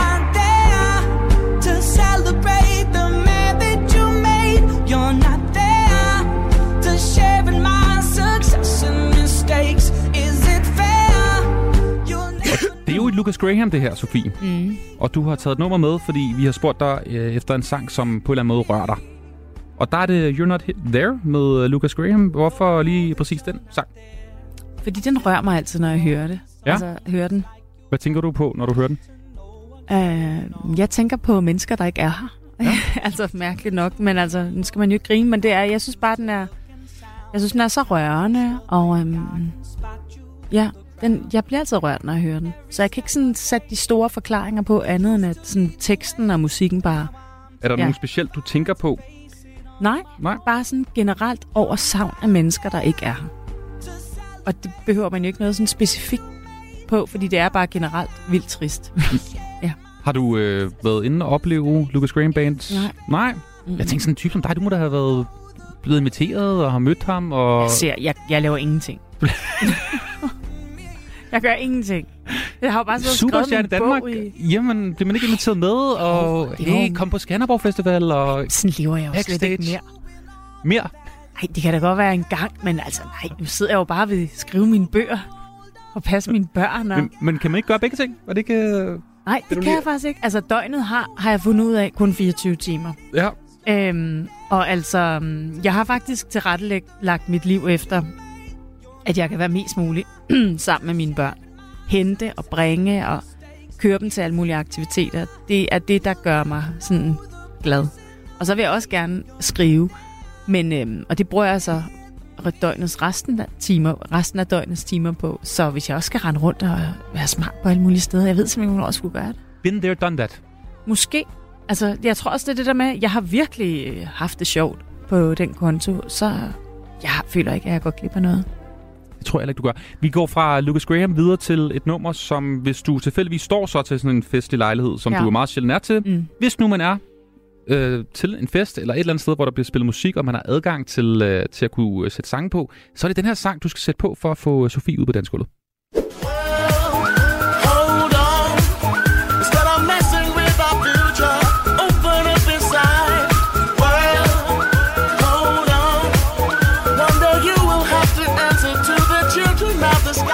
Er du typen, der går ud på floor, når... det er jeg. Okay, Ja. ja. som den første også, inden Ja, ja. at øh, folk lige har drukket mod til. Det er jeg. Okay. Men den her sang, jeg hørte den bare i radioen, eller jeg hørte den bare i går faktisk, og så kom jeg bare til at tænke på, det er ikke sådan en sang, jeg hører så meget nu, men jeg tænkte bare på, den havde jeg bare virkelig danset meget til.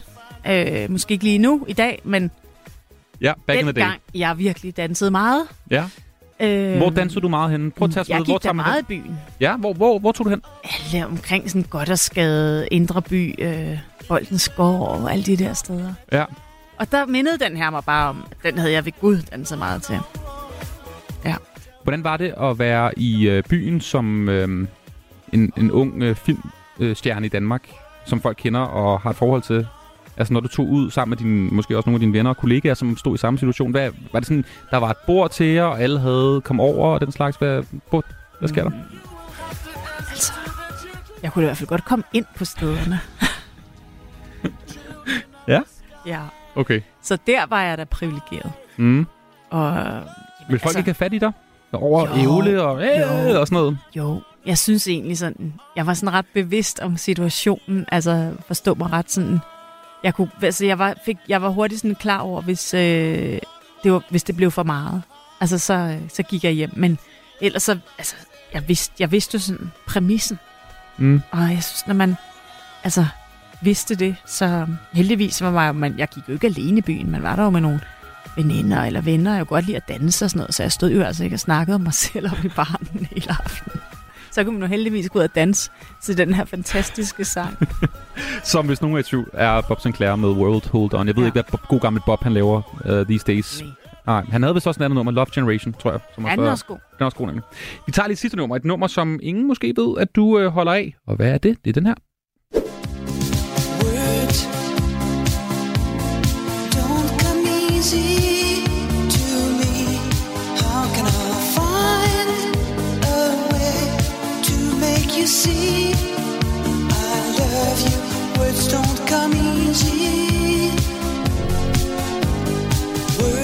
Der skal du lige øh, fortælle de lidt yngre lyttere, hvad det er, vi lytter til her. Jeg ved faktisk ikke engang, hvad han hedder. Jeg tror, den hedder F.R. David. Det var det, jeg skrev. Men Jeg, jeg ved ikke engang. Men jeg- det er jeg er bare sådan et i nummer, jeg synes, det er fantastisk. Jeg elsker det. Mhm. Jeg synes, det er et af de bedste pophits, vi har. Ja. Det er Hvornår? sådan lige med synthesizer, den går lige sådan op på den rigtige måde, og ah, men den er jo så god. Og ja, den går faktisk også lidt sådan lidt melodikamp Ja, op. præcis. Sådan, Ja. ja. det, det, det, det, et eller andet sådan. Han hedder F.R. David. Nå. Noget af en kal. One hit wonder, måske. Det tror jeg, vi er ude i fra 1982. Ja. ja. Godt nummer. Altså fra David her med Awards. En sang, som ingen ved, du holder af, Sofie Lassen Ja. Kalke. Og nu bliver det lidt spændende, fordi fra øh, musik fra 80'erne, så skal vi til enten eller.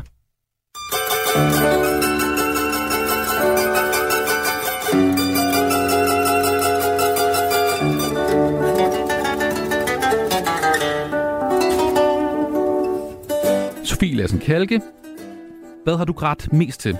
Jonas Vingegaard og Tour de France? Eller en Decimus Lissi-koncert på Faning? Jonas Vingegaard. Du er cykelfan. Nej, men når han vinder, så synes jeg, det er magisk. Ja. Græd du begge gange? Altså både i år og sidste år? Eller var det sådan, i år var det lidt mere... Nå, Første, ja, det tror jeg. Ja.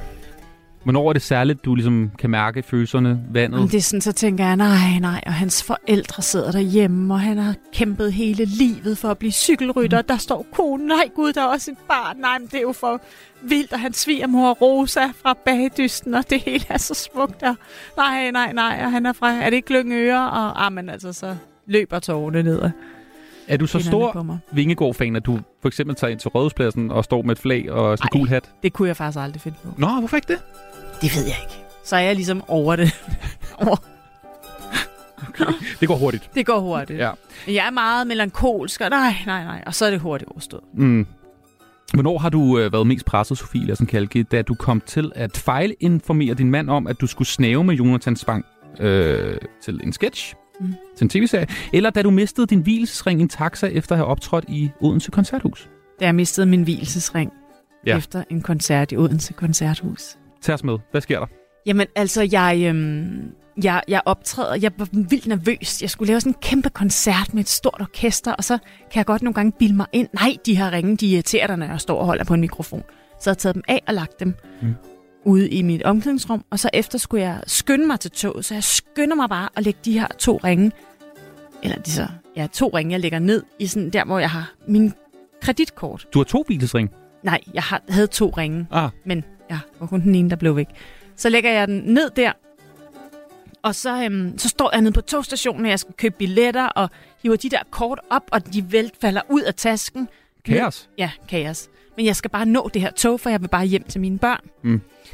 Og jeg når toget, og jeg har glemt alt om de der hvilesesringe.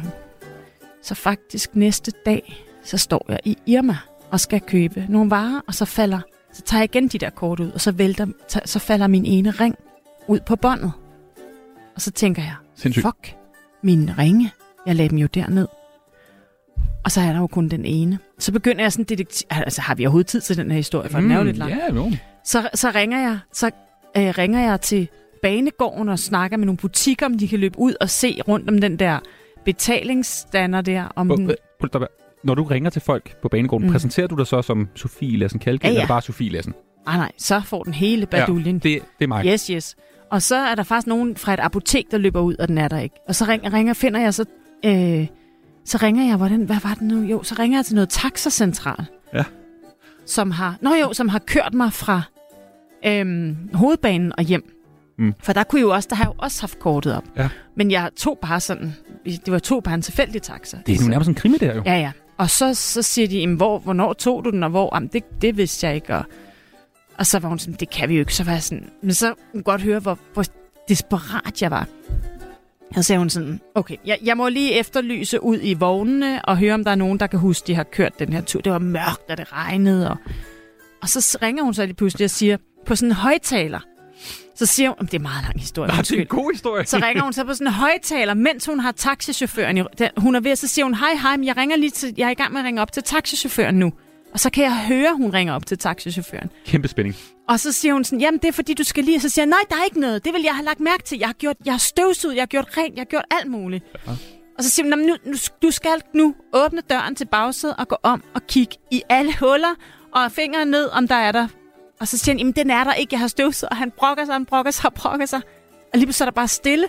Og så skriger og råber han bare sådan, nej, den er her, der er en lille ring. Men, øh. Og jeg tror bare, det er løgn. Så er min hvilesesring røget ned der i mørket smulm og mørke og regn, ned bag sådan der ved selen, og så står han med den i hånden. Det var en lang, men det var en meget god historie. Du sør, fik han noget? Ja, jeg kan ikke huske det. Nej. Men ja, ja, jeg gav ham noget. Og så kom han ud Wonderful. og... Ja, det var... Og federe historie, end da Jonathan Spang gerne vil snæve dig. Jamen, Eller- det er også en meget sjov historie. Ja. Men det var jo bare, jeg skulle være med i det der øh, nisse-halløj, han ja, lavede. ja, han lavede sådan en... Og der havde han lige været på, men i det samme med det der med Pernille Vermund. Ja, hvor han snavede hende. Ja. Eller, de snavede Og så kan jeg huske, at det var sådan noget med, Nå ja, men øh, altså, så kan jeg huske, mand er det så sådan det der samme der med, at du skal... Og jeg sådan, nej, altså det her, det er jo sådan noget skuespil, altså det er jo sådan noget, altså overhovedet ikke. Og så var det først aften inden, at jeg læste manuskriptet. Det er jo også lidt forkert. Ja, det Og så var det bare sådan, slutter med, ja, samme Ja. stil som Pernille Vermund. Og jeg Der, var bare der sådan, stod faktisk i manus, øh, nu kommer der et snæv, Ja, som ja, Pernille Vermund. Ja, det gjorde det. Det er lidt weird. Det er jeg ret sikker på, at der stod.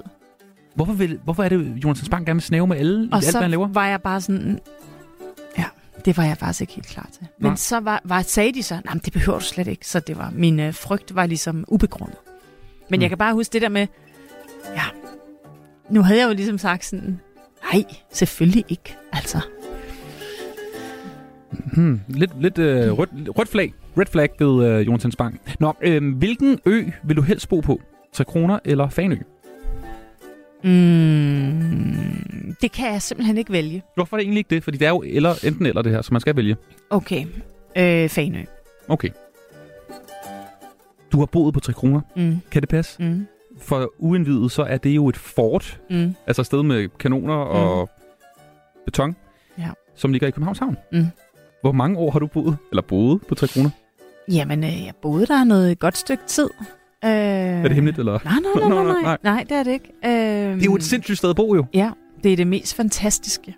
Ja, og jeg har egentlig sådan en stor sorg, når jeg tænker tilbage over, eller sådan, fordi det var så dejligt. Okay. Det var så unikt, og vi var de eneste, der boede der. Og Altså, I sejlede. boede alene på et fort? Mm. Ja? Ja. Hvordan? Jamen, min, min mand havde et job, som gjorde, at vi havde tilgang til det. Altså, Øhm, hvad, han var sådan øh, en, der styrede kanonen, eller? Ja. Nej. han var bare, han styrede fortet. Nej, ja, det er en længere forklaring. Men er der et hus der? Mhm, ja, det er der. Hvor vildt, mand. Hvordan, hvordan afleverer man børn og den slags? Og... sejler. Det er sindssygt. Men du vælger alligevel Fanø. Ja, men det er fordi, at øhm, det bliver jo også lidt besværligt. Altså, fordi nu fik dengang, jeg boede der, havde jeg jo helt spædbørn. Barn. Og øhm, derfor så var det jo meget idyll. Fordi man, ens barn skulle jo ikke særlig meget. Men Nej. altså, nu skal mine børn jo 417 ting om dagen. Og så øh, er det bare sådan lidt, lidt besværligt. Ja, sådan legeaftaler den Ja. slags. Også post, så den, øh, der, er bare mange... Det er ikke sådan noget, jeg bekymrer mig om. Men mere det der med sådan, nu, nu har jeg tre børn, der skal alt muligt.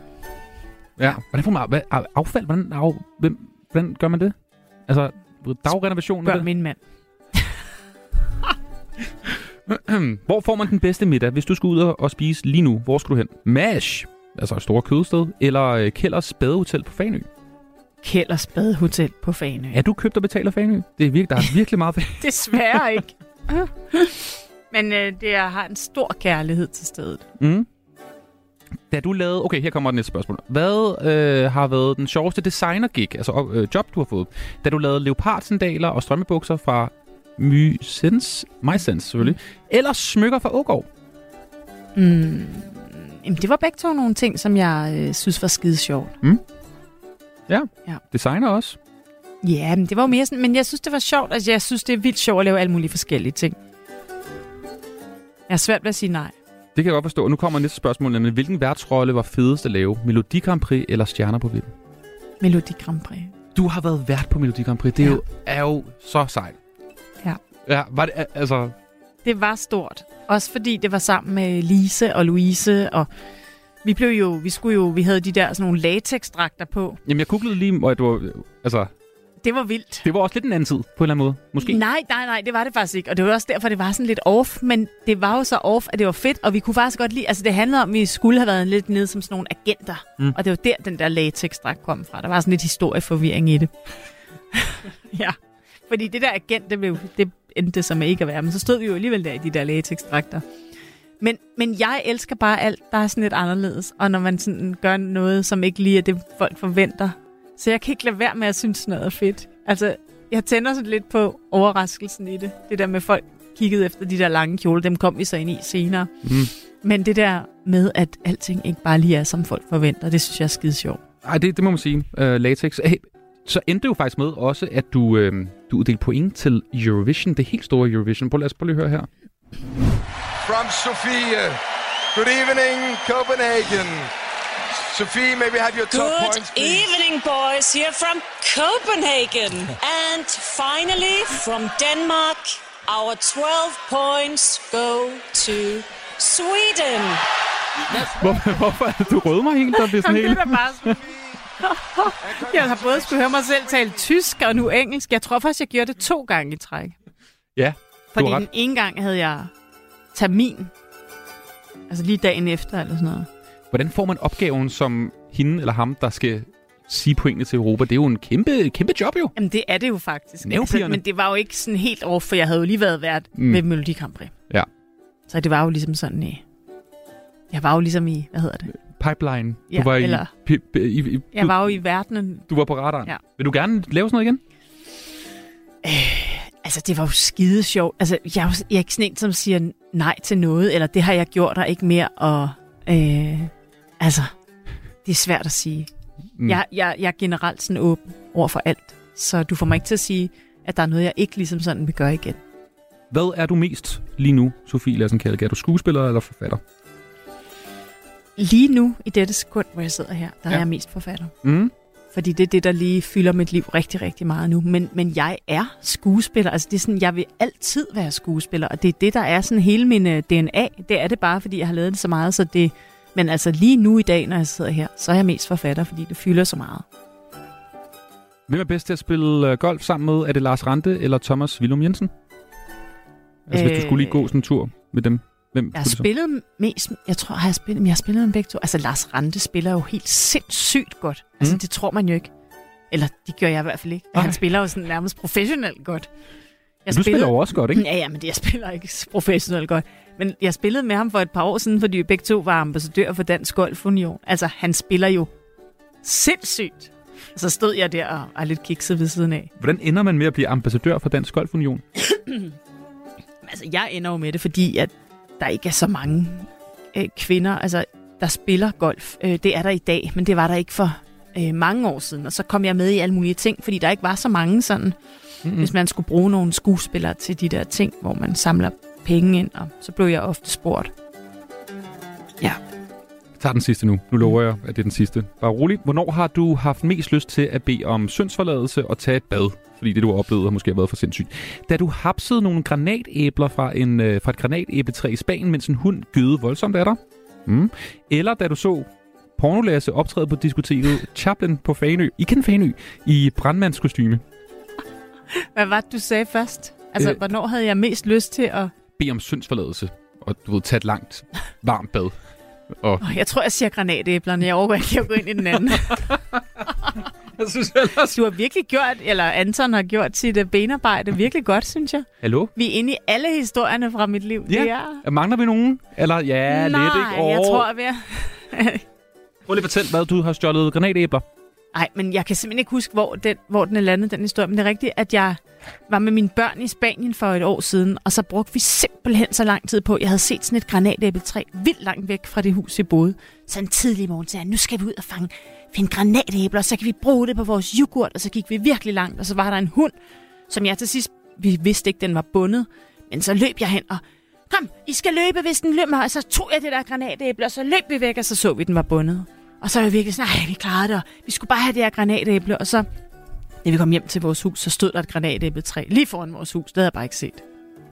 Så det var sådan super. Sindssygt, du indviger dine børn i den slags kriminalitet. ja. Altså, der er en overskrift nu igen til Ekstrabladet her, Sofie. Ja, ja.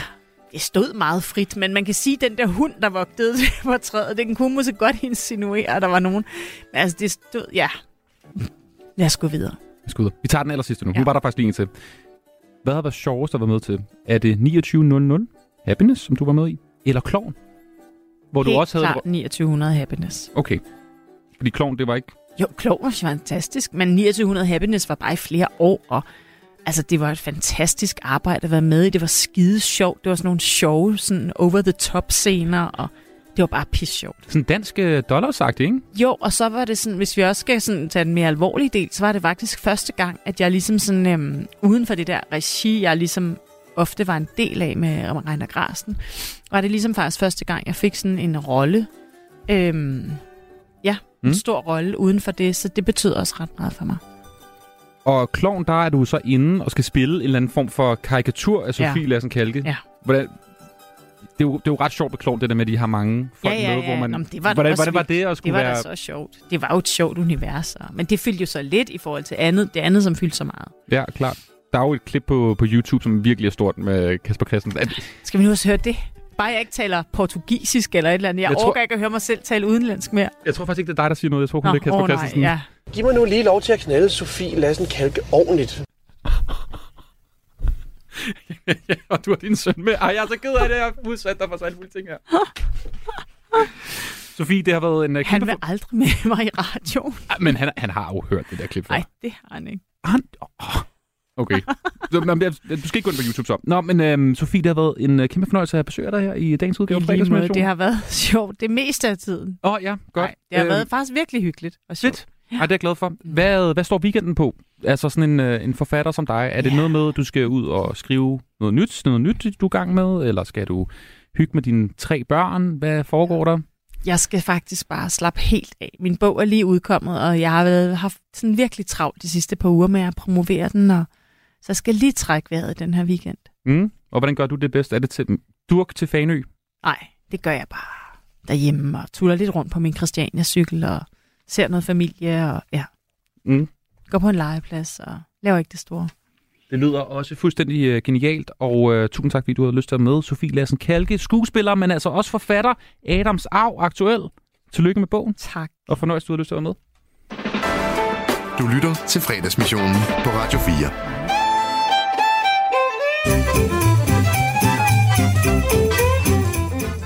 Linnea har startet en live video. Hej guys, og velkommen til min live video her på Instagram. Jeg er Linnea, og jeg er stadig right. I dag så vil jeres yndlings momfluencer igen, igen, igen, igen give jer et unikt og ærligt indblik i det at være mor til små børn. Jeg har ikke selv nogen børn, men jeg har en udpræget evne til at snakke om ting, jeg ikke rigtig ved noget om, på en utrolig spændende måde. Og i dag der vil jeg gerne gå lidt dybere ned i emnet og snakke om, hvorfor jeg ikke selv er mor, og ikke har nogen planer om at skulle blive det. Det korte svar er, jeg synes, det er nøjeren. Jeg synes, det er nøjeren. En ting er tanken om at sætte børn i verden, når de kommer til at dele med alle tænkelige katastrofer i forbindelse med klimaforandringerne. En anden ting er, hvordan vi som menneskehed får det værre og værre mentalt og bliver mere og mere fremmedgjorte fra os selv. En tredje ting er, at jeg ikke ville kunne bære det, hvis jeg fik en baby med et stjernetegn, som mit eget stjernetegn bare slet ikke kan med. Nogle stjernetegn er jo perfekte matches, og andre er bare ikke. De er dømt til at blive skrækkelige relationer. Man kan jo forsøge at ramme en terminstatus lige der, hvor det passer bedst, men barnet det kan jo komme flere uger inden eller efter, hvilket kan have kæmpe indflydelse på, hvordan dit forhold til dit barn bliver. Jeg kender en, der er skytte, ikke også? Og gæt, hvad hun føder. Hun føder fanden gale mig en krebs.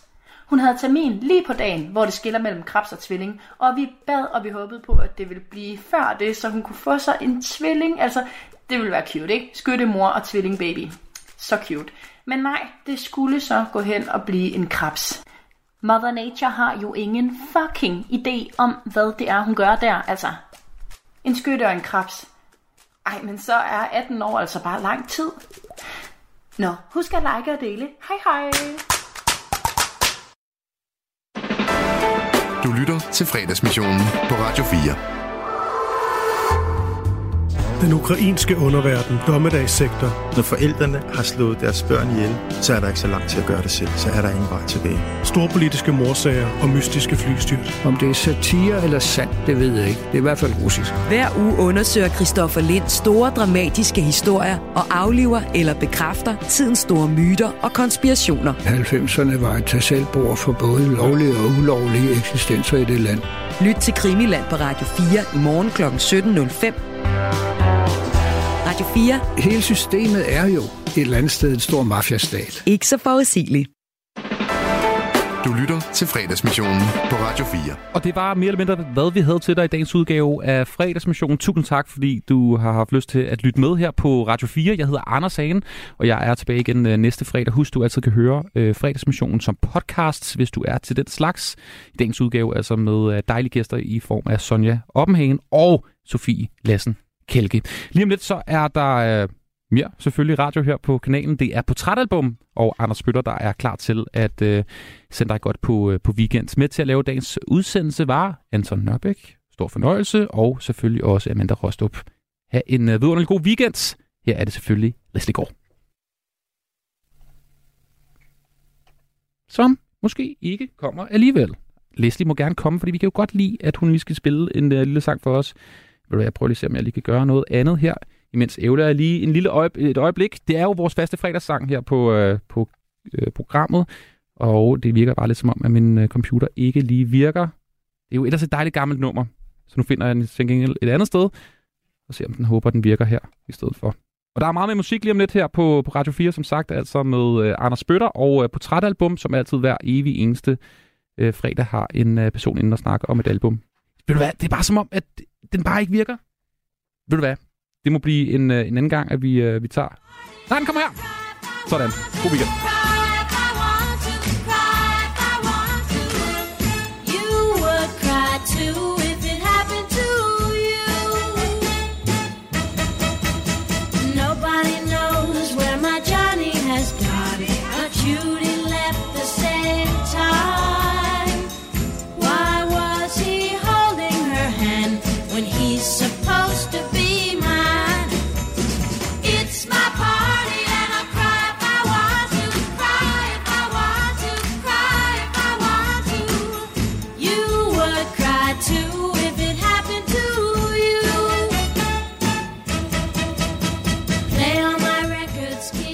En lille smule her. Leslie Gores med It's My Party. Ha' en dejlig weekend. Lige nu får du nyhederne her på Radio 4. Klokken er nemlig 17. Du har lyttet til en podcast fra Radio 4. Find flere episoder i vores app, eller der, hvor du lytter til podcast. Radio 4. Ikke så forudsigeligt.